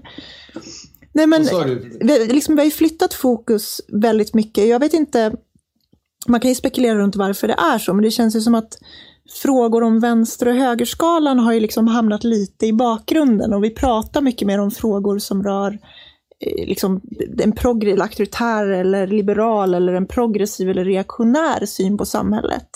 Mm. Um, vilket är lite läskigt därför att just den ekonomiska biten är så enormt viktig, inte minst för att vi är inne i det här skedet där vi håller liksom på att behöva lägga om hela vårt ekonomiska system, tror jag. Eh, i, och med, I och med automatisering, i och med liksom gig-ekonomin, allt det här som, vi, som är stora förändringar. Min, min kritik ofta mot sossar, så här, tråksossar, är ju att de är väldigt fast i tanken att alla ska ha ett 7 till 5 jobb på fabriken eh, och sen ska man komma hem och det är det, det är det vi måste bygga politiska lösningar för. Eh, jag, tror, det var, fan, jag älskar det citatet, det var Gustaf Fridolin som, som beskrev, han kritiserade ju eh, sossarna, och, eller ja, regeringen var det ju faktiskt, för eh, deras kulturpolitik under coronan. Och hur man inte tog, tog strid för kulturarbetare, för kulturarbetare är typ alltid småföretagare. Eh, ja. Och så beskrev han sossarna som att sossarna gillar, gillar stora, stora företag som tillverkar saker. Liksom. Eh, och det är jävligt sant. Alltså, du fokuserar väldigt mycket på i det här fallet så var det att man ger väldigt mycket pengar till Dramaten till exempel, för att det är en stor jävla koloss. Så, som producerar mm. någonting som är så här... Det fungerar i allmänhet också. Mm. Alltså alla de här skattemiljarderna går ju väldigt mycket till Dramaten, Operan och liksom ja. de Och det skulle jag säga är ett motargument mot att det här att innovation skulle komma skulle kräva pengar. Därför att innovationen kommer ju väldigt sällan från de där etablerade kolosserna. Innovationen kommer ju oftast från människor som inte får betalt. Människor Nej. som liksom sliter i en jävla källare någonstans och sen så snos de idéerna av ett skivbolag eller av någon annan. Polisen som bara “Sluta knarka!” Ja. Nej, men så att... det, är det, det är det som är grejen också. Att du, alltså, om för man skulle, eller förlåt Mira, du var mitt i... Ja, nej, men jag tänkte bara säga att jag skulle bara avsluta att det är väl, den, det är väl min kritik mot, mot delar av vänstern också. Att den svenska vänstern, eh, att man är fortfarande lite fast i det där. Så att ekonomi blir väldigt, ekonom, frågan om ekonomi blir väldigt, för mig i alla fall, ofta väldigt tråkiga. För man pratar om så här, visserligen svinviktiga saker som arbetsrätt till exempel. Men man gör det väldigt ofta utifrån ett perspektiv att eh, vi gör det för, för sjuksköterskor eller för eh, förskolepedagoger eller för lagerarbetare. Men vi pratar ganska lite om typ gig, gigekonomi, alltså så här Uber-förare eh, eller kulturarbetare, småföretagare. För att småföretagare är ju, hur man än ser på det, inte samma sak som en person som äger en, ett badhus, säger vi. Eh, inte på något sätt. Liksom. Mm. Um, och, och där, där, där, jag tycker det är skittråkigt att, att det inte är så många från vänstern som har sett möjligheterna i alltså, en mer peer-to-peer ekonomi, gig-ekonomi och alla de här sakerna fast på ett schysst sätt. Alltså, ja. Hur skulle man kunna göra det här på ett schysst sätt och bedriva opinionsbildning på hur man gör det istället för att bara säga förbjud liksom. Mm. För, för det där är ju min så här, jag hade ju en, det var ju någon, någon från Ung Vänster som skrev en debattartikel mot Onlyfans i ETC här i veckan. Och jag var ganska irriterad. Eh, mm. Mest för att jag tycker att det är en så jävla dålig vänsteranalys att säga att Onlyfans skulle vara problemet. Jag tänker att du kan göra en ganska bra marxistisk analys av sexarbete. Där du säger att Onlyfans är bättre än att du är anställd av ett porrbolag. Därför att på Nej. Onlyfans eller som småföretagare så har du ju en helt annan kontroll över produktionsmedlen. Eh, ja. Sen är det såklart så att du tappar ju massa andra tryggheter som inte är så bra. Eh, det är inte superbra för mig till exempel som, som småföretagare. Jag tappar ju jättemycket i form av liksom säkerhet. Eh, jag har massa sociala grejer som, som jag tappar och så här. Och det kan man ju bygga upp. Du kan ju ha företagshotell och sådana grejer liksom, kommunala företagshotell för kulturarbetare. Typ. Men alltså, men alltså, det skulle kunna vara liksom ett sätt att, att skapa. Skulle, då måste vi också, precis som med, med invandrarjobben, så behöver vi liksom gå tillbaka till vad är behoven? Vad är behovsanalysen? Vad är det vi behöver? Jo, för att ha ett bra arbetsliv så behöver du ekonomisk trygghet, du behöver kanske bra kollegor, du behöver eh, en lokal som är anpassad efter det du vill göra och verktyg för att kunna göra ditt jobb.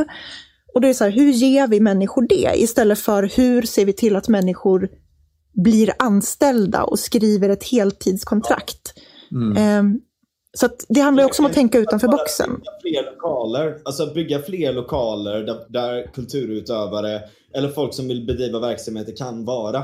Mm. Alltså, bara stadsplaneringspolitik kan ha en jättestor påverkan på det. Ja, herregud. Jag tror, att, jag, jag, tror att man ska passa sig för också att man ska tänka att man ska lösa det här. Liksom. För det, också, det blir också snabbt liksom, centralplanerat. Mm. Liksom, eh, men jag är med på poängen att vi, att vi måste komma liksom bort ifrån den här tanken på att du ska få ett anställningskontrakt, liksom ett anställningsavtal på en fabrik, liksom, då är allting kirrat. Liksom. Mm. Utan det, det, det, är klart att vi, vi måste förflytta fokuset till vad som är... Vad Men att fylla, uppfylla behoven. Alltså jag tycker ja, att det är precis. det som är det viktiga. Jag vet att jag diskuterade, jag, min, mitt ex var ju egenföretagare och gnällde alltid på hur svårt det var att sparka folk. Och jag vet inte om jag tycker att det är så svårt att sparka folk nödvändigtvis, men min poäng är fortfarande det här att okej, okay, istället för att vi fastnar på, det, vi, liksom, du måste ha åtta timmars på, på kontrakt och du måste vara, det ska vara jättesvårt att sparka dig, så är det så här, vad är behoven? Vad är, vad är faran med att du kan få sparken när som helst, egentligen? Troligen om du får sparken från ett jobb så är det inte särskilt trevligt. Om du bara från ingenstans får sparken från ett jobb så är det förmodligen inget särskilt trevligt jobb att jobba på. Så att då är ju det det som gör det instabilt och jobbigt för dig, är ju att du inte vet om du kommer kunna försörja dig. Du vet ja. inte att du har en rutin och så vidare. Kan vi uppfylla det på något annat sätt än att säga arbetsgivaren kan inte sparka folk?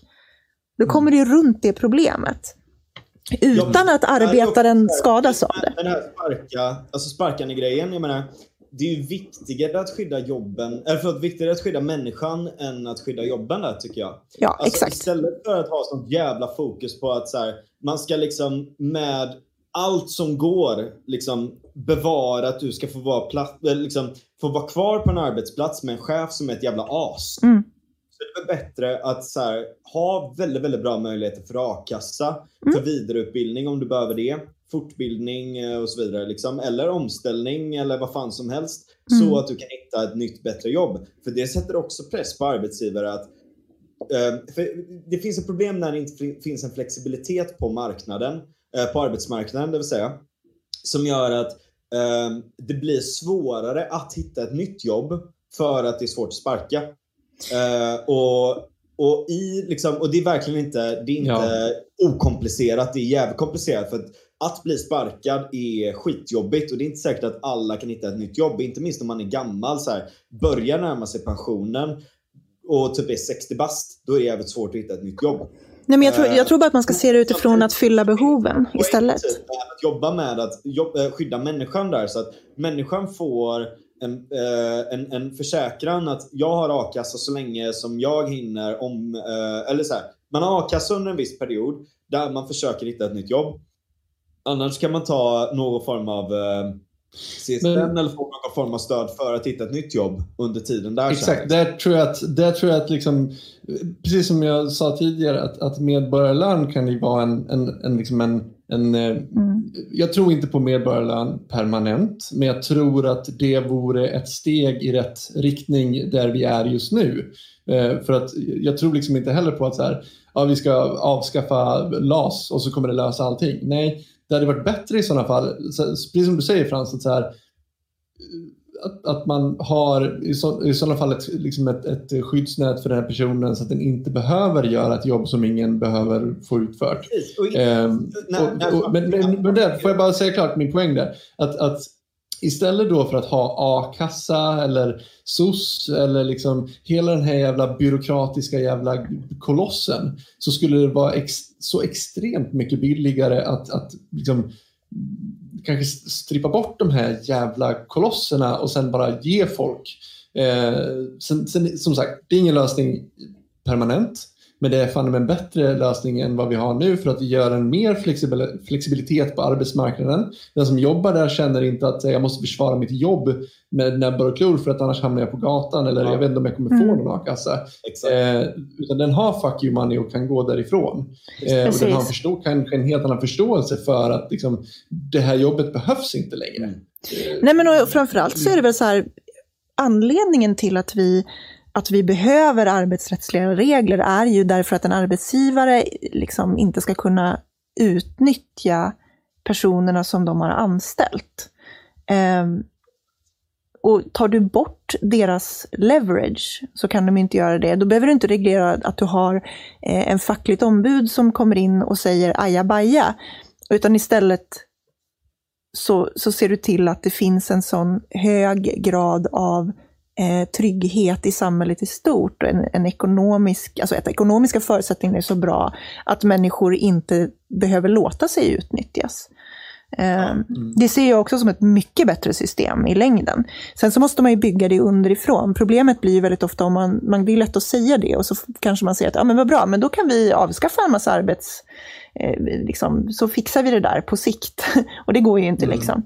Så länge vi inte har den typen av trygghet så kan vi inte... Jag har inte sagt att vi ska avskaffa a-kassa. Tvärtom är det ett jävligt bra system. Mm, ja, ja. Nej, men... Nej, men jag, jag, jag tror att vi ska avskaffa det. Nej, men det, det där är min liksom, jag tycker, att jag tycker att vi saknar lite så här... Var, varför skulle vi av... Förlåt, då hänger inte jag med alls. Nej, nej, nej, nej inte avskaffa a-kassan nödvändigtvis, utan jag tänker på typ LAS och sådana grejer. Jag ja. sa det. Men jag, jag, mm. sa du det Daniel? Jag, då Man vill ha medborgarlön istället tror jag. Ja, det vore ett bättre system att ha medborgarlön istället för AKA. Ja. ja, jag fattar. Okej, okay, men då är det ju... Ja. Billigare förmodligen också. Så att, men, och... Tror ni inte, ärligt talat, så här, alltså med medborgarlön, tror ni inte att det kommer vara jävligt många som sitter hemma runkar, röker gräs, spelar WoW. Jo! Bara, jo. Visst är det Gud, bra? vad fint! Vet, vet du vad som vore bra med det? Det skulle göra att... Det var mer det men det som är bra med det, det är att eh, marknaden kommer inte längre vara arbetsgivarens utan marknaden kommer liksom bli mer eh, jämn, alltså jämnbördig mellan arbetstagare och arbetsgivare. Eh, vilket skulle innebära att vi kunde avskaffa en hel del jävla lagar. för det första. Eh, och sen för det andra så, vissa människor ska fan inte ha ett jobb känner jag spontant. Alltså, vissa Nej. människor ställer fan till mer jävla skada på ett jobb där de har en anställningstrygghet liksom, och, och det är bättre att de människorna som är motiverade att faktiskt göra ett jobb har ett jobb. Som sagt, jag måste verkligen bjuda in Christer Engström och prata om, om medborgarlön, för jag vill verkligen fördjupa mig i det. Jag har lite för dålig koll känner jag för att titta. Men jag, jag vet inte, mm. jag kan också tänka mig så här att det finns Anledningen till att man skulle vilja ha kvar människor i arbete är ju att vi har ett samhälle idag där väldigt många är väldigt ensamma. Eh, vi har ett samhälle idag där vi i mindre och mindre utsträckning möter andra människor, vilket har varit ett problem framförallt för unga män. Eh, och vi vill inte ha ett samhälle fullt av ensamma, arga, bittra unga män, för det är en jävla krutdurk att sitta på. Eh, vilket vi har sett typ i så här, alla nazister någonsin och så vidare. Men alla extremister rekryterar ibland precis den gruppen. nej men, nej men alltså inte bara det, det är inte bara såklart inte bara arga unga män, utan att vi blir så mer och mer ensamma överlag.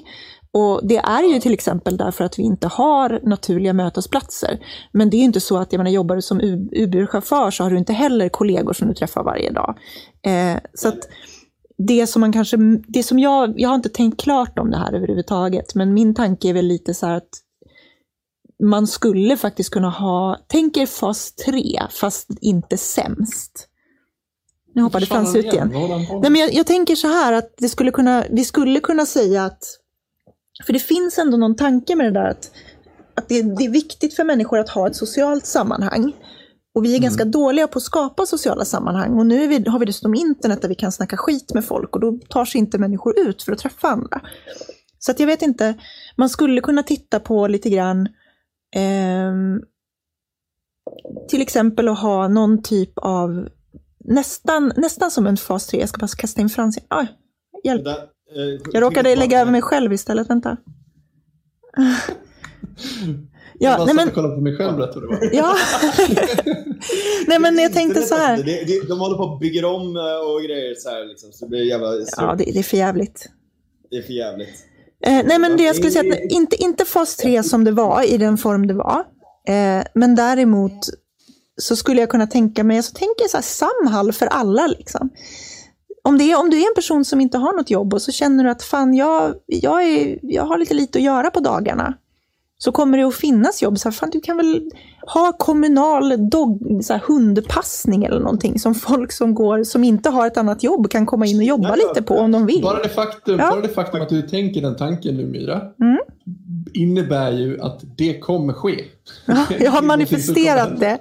Ja, exakt. Det kommer uppenbarligen ske. Det kommer inte vara ett problem. Nej, nej, nej men jag menar, jag, det är det jag menar bara. Att man ska, alltså att, där skulle du faktiskt kunna du skulle kunna ha det så mer i terapeutiskt syfte, tänker jag. Människor då som sitter hemma och spelar WoW hela dagarna eh, och inte har ett socialt sammanhang och blir bittra. Ja, se till att de här människorna söker, liksom söker hjälp hos sitt, sitt samhälle. Och så säger de, ja men fan kom in här på dagcentret och passa lite hundar. Och sen när du gör det och får ett socialt sammanhang så kommer du att vilja göra saker. Du kommer vilja skapa saker. Människor som mår bra generellt är kreativa, är empatiska och vill göra saker för andra och sig själva. Mm. Liksom. Det är bara att du inte ska hamna i den där jävla dödsspiralen där du sitter hemma hela dagarna, aldrig träffar mm. någon, inte känner att du är till nytta och så mår du dåligt för att du känner att du inte är till nytta. Det kan också vara ett föreningsliv, absolut. Um, alla gånger. Det kan vara en ideell organisation. Det är ett problem med dagens läge. Du vet att så här, när du går till, eh, om du ska gå till SOS, som jag har förstått det, så är det väldigt mycket typ att du ska förklara varför du är en så värdelös person att du inte kan göra någonting i livet och därför få bidrag. Liksom. Mm. Och jag tror att de psykologiska effekterna av att gå och upprepa det som ett mantra hela tiden gör att du börjar tro på det själv till slut också. Mm. Du måste nästan tro på det för att det ska vara trovärdigt. Liksom.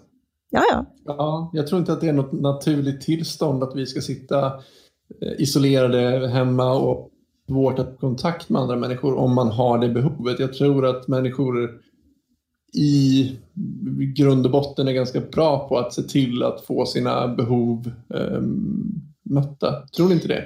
Jo, framförallt så tror jag att mycket av den energin man har, alltså som en person som har varit under en period i mitt liv väldigt just isolerad och deprimerad, så tror jag att så här, det som tar mest energi när du är i den situationen, det är ju att du oroar dig för din ekonomi, du oroar dig för att du känner att du inte bidrar till samhället som du borde och det gör i sin tur att du mår ännu sämre. Om jag visste mm. att så här, ja, men jag har min ekonomi tryggad oavsett, ingen kommer att, jag kommer inte behöva gå in och liksom gråta och sos för att få det här, så skulle det lämna energi till att göra annat.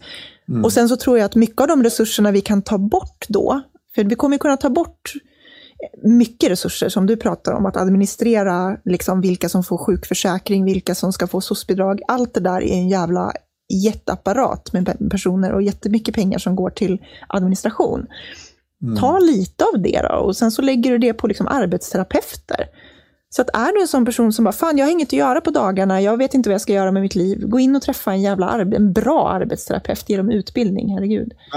Eh, och bara, så säger de så här, men här, här har vi lite olika, här har vi en ideell organisation, här är ett soppkök, typ du kan komma hit och jobba på det. Här kan du komma och vara lite vaktmästare och plocka löv i en park eller vad fan som helst. Alltså jobb som är lätt men som ändå tillför någonting till samhället. För jag tror att det är det vi behöver. Alltså en person som är deprimerad behöver ju dels se att det finns en värld utanför med människor som, som ja. behöver hjälp. Liksom.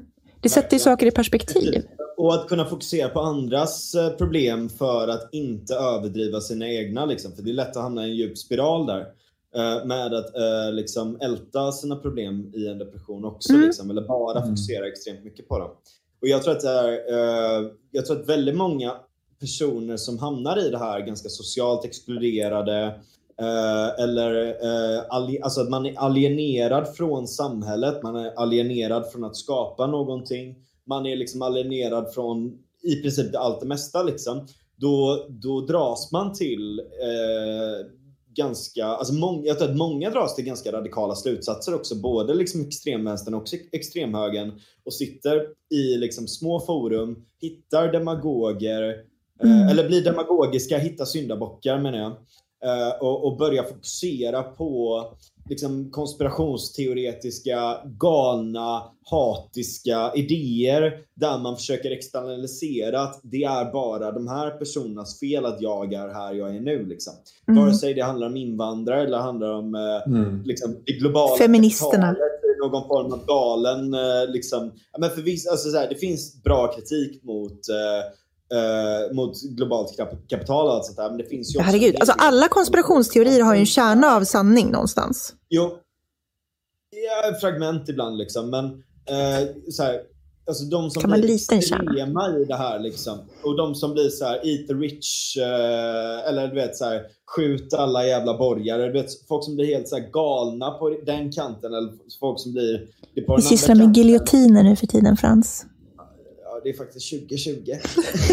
nej, men, eh, nej, men jag tror att väldigt många i, inte minst min generation, liksom, jag som är född 95, liksom, eh, jag tror att väldigt många runt min generation har fastnat väldigt mycket på liksom, internet i Alltså just för att man inte kunnat hitta någon form av identitet eller någon form av tillhörighet till världen för att den är så komplex och för att man känner, social, eh, känner sig så alienerad till den så försöker man hitta en ingrupp på internet där man blir så jävla eh, radikaliserad liksom. Och där man kommer till de här sjuka punkterna där man börjar bli extremt hatisk mot allting annat. Liksom. Men så hur eh. får vi folk, hur får vi de människorna att känna en samhörighet med det samhälle de lever i istället då? För det måste ju vara lösningen. Ja, exakt. Eller, eller det behöver inte vara hela samhället. Men det kan nej, nej, nej, men det kan, vara, det kan vara din bostadsrättsförening eller din lokala, ditt lokala badhus. Jag vet inte, lite som vad, vad som helst. Men frågan är hur uppmuntrar man det och hur leder man in människor där? För att vi, vi hade ju väldigt mycket sånt. Det ska man ju ge liksom sossarna, alltså arbets, arbetsrörelsen var ju väldigt bra på, alltså hela ABF och hela studiecirkel, Nej. därför att den byggde ju väldigt mycket på folkbildningen, precis. Mm. Att det byggde väldigt mycket på föreningsverksamhet och det där har vi ju tappat helt. Det är inte bara vänstern som har tappat det, högern har också tappat, alltså alla politiska läger har ju tappat det där med det politiska engagemanget på sin fritid. Eh, det sträcker sig typ till att man delar någonting på Twitter eller likar någonting på Instagram. Liksom. Så hur, får vi, hur bygger vi det igen på ett sätt där människor ja. kan hitta ett, ett, en grupptillhörighet som är samhällsnyttig? Positiv, men ja. positiv balans och inte bara det här negativa. Ja, men någonting som är uppbyggande. Liksom. Någonting, som är, någonting som är proaktivt och någonting som är eh, kreativt och produktivt också. Alltså, mm Tänk om man skulle ta alla de här jävla Qanon-nötterna som lägger all sin tid på att sitta och posta i en grupp på Facebook om att Soros har valfuskat tillsammans med Hugo Chávez spöke. Eh, man skulle kunna ta alla dem och så tar man all den energin, för de har så jävla mycket engagemang och så mycket energi. Och så skulle du kunna lägga det på så här, hur ska vi, hur ska vi lösa situationen för de hemlösa i den här stan? Liksom? Ja.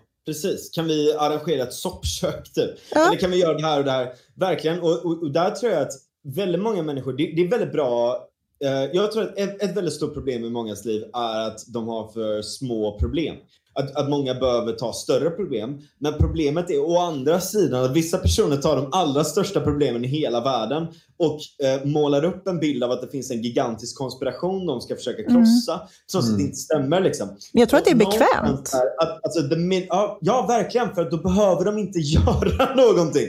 De kan bara sitta och gnälla. Liksom. Mm. Eh, och, och jag tror att någonstans en middle road i det där är ju liksom att så här, se sig runt så här, vad kan vi göra i eh, min stad eh, för att göra det bättre?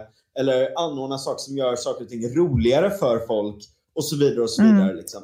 Men där är det jävla stora problemet att så fort du försöker göra en sån sak, då kommer antingen kommunen och nekar dig tillstånd och när kommunen har kommit och nekat dig tillstånd, då kommer polisen och raida dig. liksom, att det finns liksom en inbyggd motsträvighet för att staten har kontroll över så många delar av det här. Alltså vet du en annan Allt sak som är ett problem där? Det är att alla de här investeringsmiljardärerna har inget intresse av att lägga pengar på det, därför att de kan inte få ut någon vinst på det. Nej, men de kan få ut goodwill. Man ska inte underskatta hur mycket företag kan tjäna på uh, att verka goodwilliga. Liksom. Mm. Mm. Men ja, men hur tar man först, första steget mot... som kan lösa det här. jag, jag, älskar att vårt samtal liksom så här mynnade ut i någon sorts eh, så här utopisk, så här, vart ska vi med samhället? Nu sitter vi verkligen och löser så här samhällsproblem. Vi löser ingenting, det är det värsta. Vi sitter ju bara så här, åh, det vore fint. Men det var det jag tänkte komma till nu. Eh, vad, för det har jag och Frans pratat om, inte i podden tror jag, men vi har liksom så här, jag tror vi har snackat om det någon gång, att så här, det är så jävla lätt att, att sitta och, och komma med idéer och, och, tycka saker rent teoretiskt. Vi hade ju med Anna Nachman i ett samtal där vi pratade dödshjälp. Mm. Eh, där hon sa att eh, jag är helt för det i teorin. Jag tycker att man ska få bestämma över sitt eh, liv och när man ska dö och så vidare. Men nu har vi ett samhälle som vi bor i eh, som är ett socialt... Vad sa du? Som vi lever i, ja. vi lever i. ja. Eh, exakt. Eh, där staten eh, i mångt och mycket har hand om sjukvården eh, mm. till 100%. Vilket ger dem incitament att kanske inte ha en så bra sjukvård då. För att då kan de ge det här alternativet mm. till folk, att du kan ju dö också. Eh, det kan skapa, alltså liberala idéer frihetliga idéer överhuvudtaget kan skapa ganska motsägelsefulla effekter i, ett fel, i fel kontext så att säga.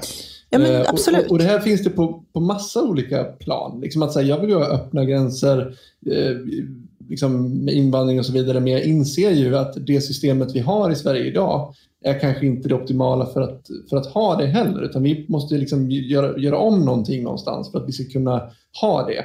Och då gör jag hellre om det. Men problemet är bara så här, vart man än tittar så, så kommer vi till det här problemet att här, vi, har, vi har ett samhälle som fungerar på ett visst sätt. Eh, och hur vi än försöker vara frihetliga i det, vilka, vilka små frågor vi försöker ta i och liksom vilket steg kan vi ta? Alltså vart ska vi börja nysta i den här jävla tröjan? Liksom? Mm. Vi måste ju börja någonstans. Eh, men det verkar som att vart man än börjar nysta så får det motsatt effekt. Alltså jag eh. skulle säga att man skulle börja nysta i... Alltså jag tror att, att början på nystandet är fördelningspolitik. Eh, jag tror att börja, början på nystandet är, ligger i att, att fördela jordens resurser och kapital mer rättvist. Därför att det är det, det är det grundläggande, det största grundläggande problemet i mina ögon. Är att vi har ett system idag, ett kapitalistiskt system, som är orättvist och vi har blivit så jävla bra på kapitalism att det skadar människor i väldigt stor utsträckning. Alltså inte bara i det stora, då pratar jag inte bara om just det här att ja, barn som dör i, i gruvorna för att göra iPhones, utan även liksom i det lilla. Att hela, våra, hela vår tillvaros kretsar runt att arbeta, eh, är också en effekt av det. Så att jag tror ju att det handlar om att vi kommer behöva göra jättestora strukturella förändringar i hur vi har byggt vårt samhälle. Eh, och absolut, det kommer vara jättesvårt att göra, så vi kanske måste börja nysta på något lite mindre, sam, lite mindre ställe. Jag skulle börja nysta med, som sagt, jag skulle börja nysta i fördelningspolitiken. Jag skulle börja nysta i att att vi kanske inte ska, vi kanske inte, jo men alltså till exempel så skulle jag säga att vi det kanske... kanske är en kulturell utveckling, det är kanske mer en kulturell utveckling än vad det är en uh, utveckling för staten att ta hand om. Eller? Ja, alltså fördelnings... Är det medborgarlön du pratar om nu? Till exempel. Mm. Tack för, för idag, Carro Scott. Eh, nej, men jag tror också att... Bra inspel. Eh, jag tror att eh, för min del så skulle jag väl säga att Alltså, på riktigt så skulle jag säga att mimen om liksom globalister, eh, jag, skulle på riktigt börja, jag skulle på riktigt börja nysta där om jag fick nysta någonstans. Alltså vi pratar om, vi pratar om jättestora, alltså jättestora monopol, vi pratar om väldigt, väldigt, väldigt rika människor som har en enorm makt över hela världens befolkning. Både utifrån att de har en makt över de produkter vi konsumerar såklart och de arbeten vi går till, men också den politiska makt de faktiskt har. Eh, och då kan vi snacka allt från liksom, Jeff Bezos eh, till, eh, till skivbolagsdirektörer som, som lobbyar EU för, att, för upphovsrättslagar. Alltså, det finns mm. ganska mycket problem med politisk lobbying. Eh, från precis de storbolag som har mest pengar. Jag är inte så jävla förtjust. Eftersom jag, eftersom jag är frihetlig så gillar ju inte jag staten så jättemycket, en stor stat jättemycket. Jag gillar inte heller jättestora bolag särskilt mycket, därför att det har precis samma funktion. Det är en väldigt stor aktör som har enormt mycket makt. Mm. Och jag tror att vi behöver fördela om den makten. Precis, jag är helt med dig där, men det, det, det, det man liksom hör när någon som är vänster säger att vi måste börja omfördela resurser, då tänker jag direkt liksom, eh, ah, nej! För att jag är helt med dig när, det kom, när du säger... Vad sa du? Mina skattepengar! Ja, precis.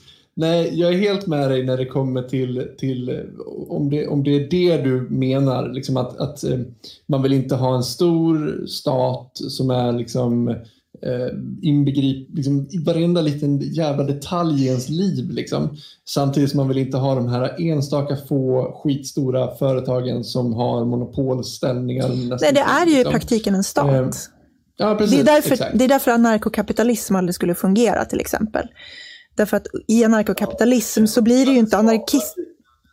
Ja, för då hade du haft storföretag som hade tagit rollen av en stat. Så. Nej, det, det har aldrig hänt, men det är en helt annan diskussion.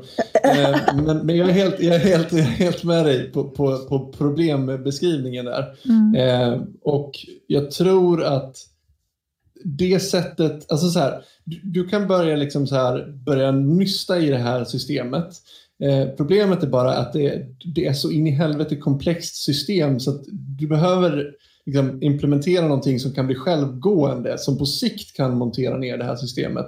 Och där tror jag, precis som du var inne på med medborgarlön, som sagt, jag tror inte att det är en permanent lösning. Det kan vara en, en detox som vi behöver för att dels träna bort den här jävla idén om att vi, vi behöver ha ett jobb att gå till, för det är fan inte sant. Det måste vi träna bort. Eh, och eh, liksom att, att det är det som ska fylla hela våra liv.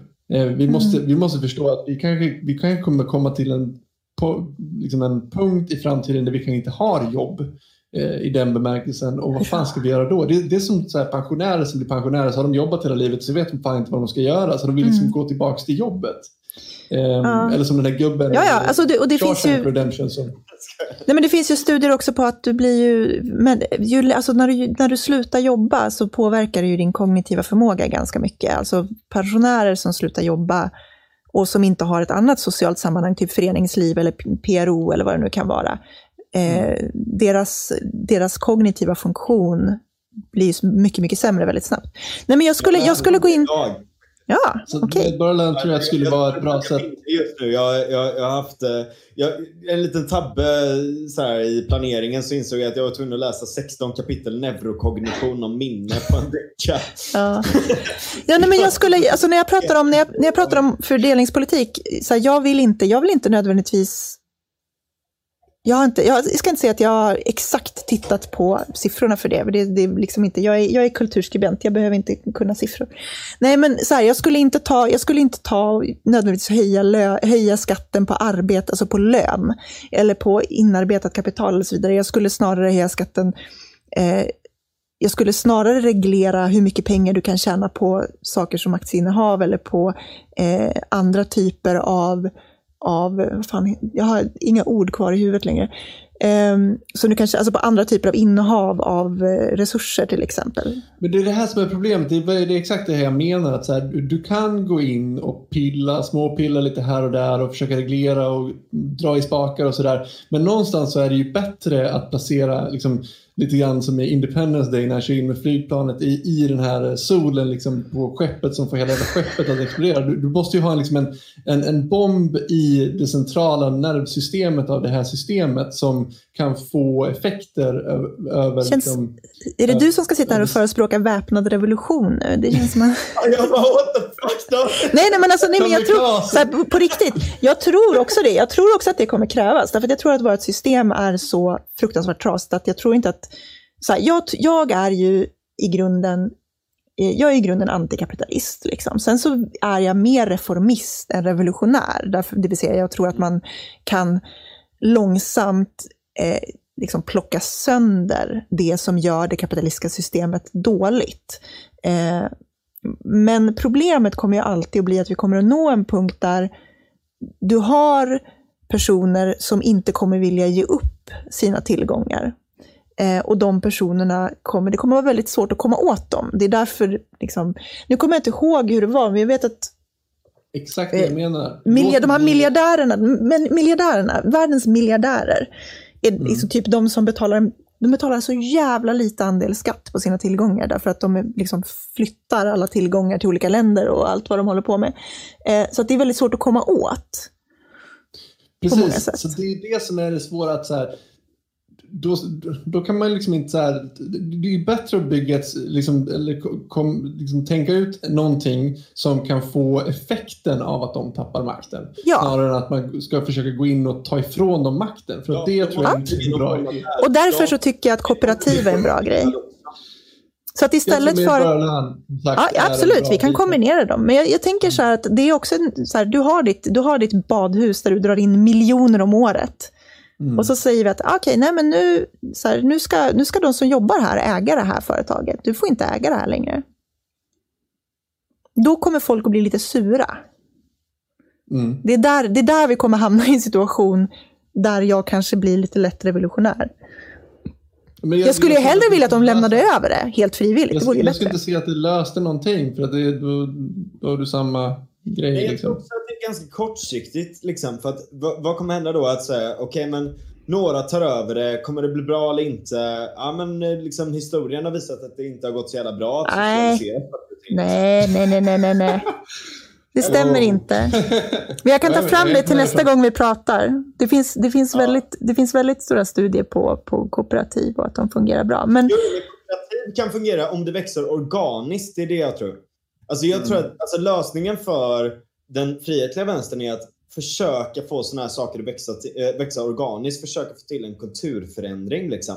Men just expropriering, alltså att ta saker och ting från folk och tro att det löser sig bara liksom, de andra får ta över det. Det tror jag, alltså, det finns inte så jävla mycket som stödjer att just det har funkat särskilt bra. Liksom. Nej, nej, okej, det, det kan jag köpa. Frågan är ju sådär, frågan är ju då hur ska vi tre bestämmer oss för att starta ett badhus. Eh, mm. Hur ska vi konkurrera med eh, en person som är backad av investeringsmiljardärer eh, som vill ta ut vinst? Vi kommer ju inte kunna konkurrera på samma villkor. Därför att vi kommer inte att dra till oss den typen av finansiärer. Därför att de kommer inte kunna ta ut den typen av vinst på att bara investera i oss. Vilket innebär att det måste, som du säger, finnas en kultur där folk säger ja men jag vill hellre gå till det här badhuset därför att alla som jag känner jobbar här eller det är min eh, kusin som har startat det. Eh, och, och, då måste vi ändra kulturen. Och det är möjligt att medborgarlön är ett steg på vägen dit. Att, att vi faktiskt, när vi inte behöver oroa oss för vår eget uppehälle, att vi kan fokusera mer på etisk konsumtion till exempel. Jag är inte 100% säker på att det är bästa lösningen.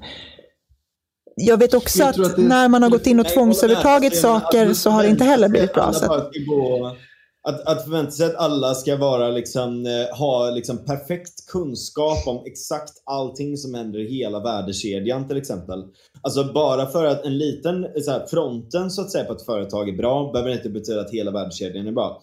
Man kan inte förlita sig på att konsumenten alltid har perfekt eh, vetskap om hela värdekedjan. Det är liksom det är en omöjlig ja. ideologi. Eller ja, alltså det är omöjligt, speciellt så länge vi har ett väldigt, alltså, om man ser på ett mer decentraliserat samhälle så skulle det vara lättare. Ja. Eh, men... Statens roll, liksom både, i, både när det kommer till liksom extrema fall av utnyttjande av människor, men också framförallt miljön. Liksom. För att, jag menar, marknaden är jävligt bra på att anpassa sig. Mm. Det är ju en sak som är the flip side av den. Liksom. Verkligen att den är bra på att anpassa sig. Om incitamentsystemen är att utnyttja, då utnyttjar den. Men om eh, det inte finns som ett alternativ, liksom, eh, att utnyttja vare sig människor eller resurser för att det finns lagar mot det, mm. då då anpassar den sig åt andra håll. Uh, och, och, där tror jag verkligen att så här, staten, statens kanske primära uppgift bortom någonting annat, bortom liksom, uh, alltså, som strax efter rättsstaten är ju att garantera till exempel klimat och Alltså, ja, ja, det är en av de få anledningarna till att vi verkligen behöver Alltså, staten, ja. Att vi behöver staten, ja precis. Alltså det handlar ju framförallt om liksom globala relationer och sådana saker. Det är ju mycket, alltså, för att det, ju, större, ju större någonting är, desto svårare blir det ju att... Des, alltså, det är väldigt svårt att tänka sig att alla ska styra global ekonomi. Jag ska sitta här i, hemma i mitt hus i Flen och ha åsikter om den globala ekonomin. Där behöver det ju någon typ av representation. Eh, ja. Eh, eller, eller miljö, som är en jävligt viktig fråga. Eller saker som fan, bara, bara sådana saker som att, att vi har regler för hur man får bete sig om man krigar. Liksom. Eh, jag måste läsa lite i chatten här. Eh, det är väl busenkelt att ställa om till kooperativ, återköpa alla aktier, sparka styrelsen, ersätta med arbetarrepresentanter, vd blir de facto arbetaranställd. Ja, precis, så kan man göra. Eh, så att du skulle ha kvar samma ledning. Det är liksom så här, gör det bara.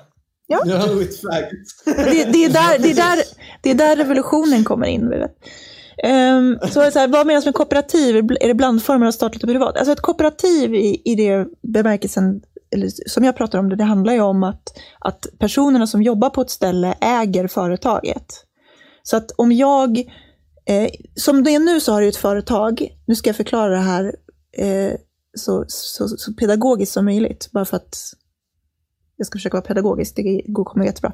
Men du har ett företag. Och så säger vi att ett företag ägs ju av, eh, ägs ju av ett flertal människor. Eh, och i det här fallet så skulle alla som äger företaget vara de som jobbar där. Så att när du börjar jobba på ett ställe, du går in på badhuset i Flen och så säger du, jag vill börja jobba här som badvakt då kommer du automatiskt att äga en del av företaget. Så se på det som att det skulle funka, till exempel, och det här kan ju vara olika i olika former, men som en representativ demokrati. Så att precis som du idag går och röstar på vilka som ska styra landet, så är det ett stort företag så kanske du skulle gå in och rösta på vilka som ska styra företaget och du har rösträtt som arbetare. Är det ett mindre företag så kanske det inte behövs en representativ demokrati i företaget, utan det skulle kunna funka som en direktdemokrati, det vill säga Ska man ta stora beslut för företaget så har man ett möte där alla som jobbar där får vara med och rösta direkt på frågor eller diskutera frågor. Så måste jag inflika där då, tekniskt sett aktier ger dig i många företag rösträtt på företagsstämmorna. Så att om du har tillräckligt många aktier för att ha en röst i företaget så har du den möjligheten. Ja, men, men tanken, med, tanken med, med det socialistiska systemet här är ju att du skulle automatiskt bli som en aktieägare om du arbetar där. Men det här är ganska intressant. Det är ganska många nystartade företag som har då ägaroptioner mm. som en andel av lönen. Ja. Så att istället för att du får ut en en, en lön, alltså en, en, eh, bara en ren lön så att säga, så får du en andel av företaget när du jobbar där. Ja, och alltså det, är ju, det är ju ett sätt att, det är ett sätt att, det är ett sätt att socialisera, eller så här, att göra det, eh, göra det mer till ett kooperativ. exempel stoppat för att sossarna mm. gillar inte det. Mm. Hörni, mm. nu har vi fan hållit på i tre timmar snart. Jag, jag sa ju det. Ja. jag känner mig helt slut, min röst är helt paj. Jag, jag, jag blir slut i huvudet. Jag brukar känna när det börjar närma sig tre timmar, för jag börjar bli så här lite svamlig liksom. Eh, mer än vad jag var i början. Ja. Vi har ju löst världsproblem här rent teoretiskt. Ja, nej, men det, jag tycker alltid det är intressant. Alltså, jag tycker alltid att det är intressant att prata med... Eh, alltså framförallt att jag har märkt att i många av frågorna som diskuteras nu, men det här har ju lite att göra med att vi har flyttat slagfältet, det politiska slagfältet har liksom flyttats från höger-vänster till, till auktoritärt och, och, liberalt eller progressivt och reaktionärt på, på väldigt många sätt. Jag tror att det har väldigt mycket att göra med att de flesta tycker att ekonomi är ganska tråkigt, inklusive jag.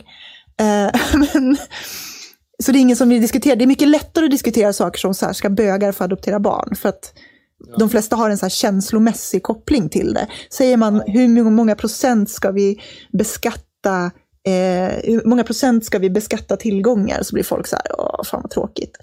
Eh, nej men så att där tycker jag alltid att det är intressant att prata med eh, personer från högern som är liberala, därför att vi har, precis som vi har konstaterat så har vi ganska ofta en hel del gemensamt. Liksom. Bara det att vi ser nog lite annorlunda på, på världen. Liksom. Um, och vi kanske inte har exakt samma problemformuleringar, men, men det går ändå liksom att hitta någon typ av common ground. Medan skulle jag sitta med en person som är extremt reaktionär eller extremt um, så extremt nationalist. nationalistisk eller auktoritär så skulle jag nog ha mycket svårare att enas. Det är mycket lättare att enas i ekonomiska frågor tror jag, än det alltså med folk som man inte, det är lättare att kompromissa för det är inte så känsloladdat.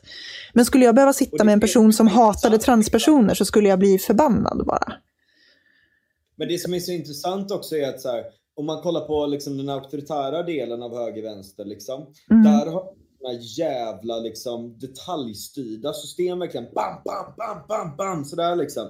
Eh, så det blir väldigt svårt för dem att debattera sinsemellan i många saker liksom. Men i den frihetliga vänstern där det är mer öppet, det är så, här, så, så, så, handlar det mer om, alltså där kan man ha en helt annan diskussion. Att om man mm. enas här, alla är frihetliga här. Och då kan man enas om det. Och så behöver man inte ha diskussioner om fucking, ja, ska böga få gifta sig för att det är så här, who the fuck cares? Det är väl klart de ska få göra det liksom. Mm. Eh, eh, man kan ha seriösa diskussioner om politik. Mm. Eh, och Som egentligen blir mer intressanta tycker jag. Det är bara att de har lite mm. högre tröskel att komma in i. Och de är nog inte lika roliga att lyssna på tror jag, för många. Nej, men jag tror att det här har varit intressant. Jag hoppas ni i chatten, eller ni som har lyssnat, tycker att det har varit intressanta frågor. Jag har i alla fall tyckt att det varit jävligt intressant. Och, det har varit jävligt bra input från chatten också måste jag säga.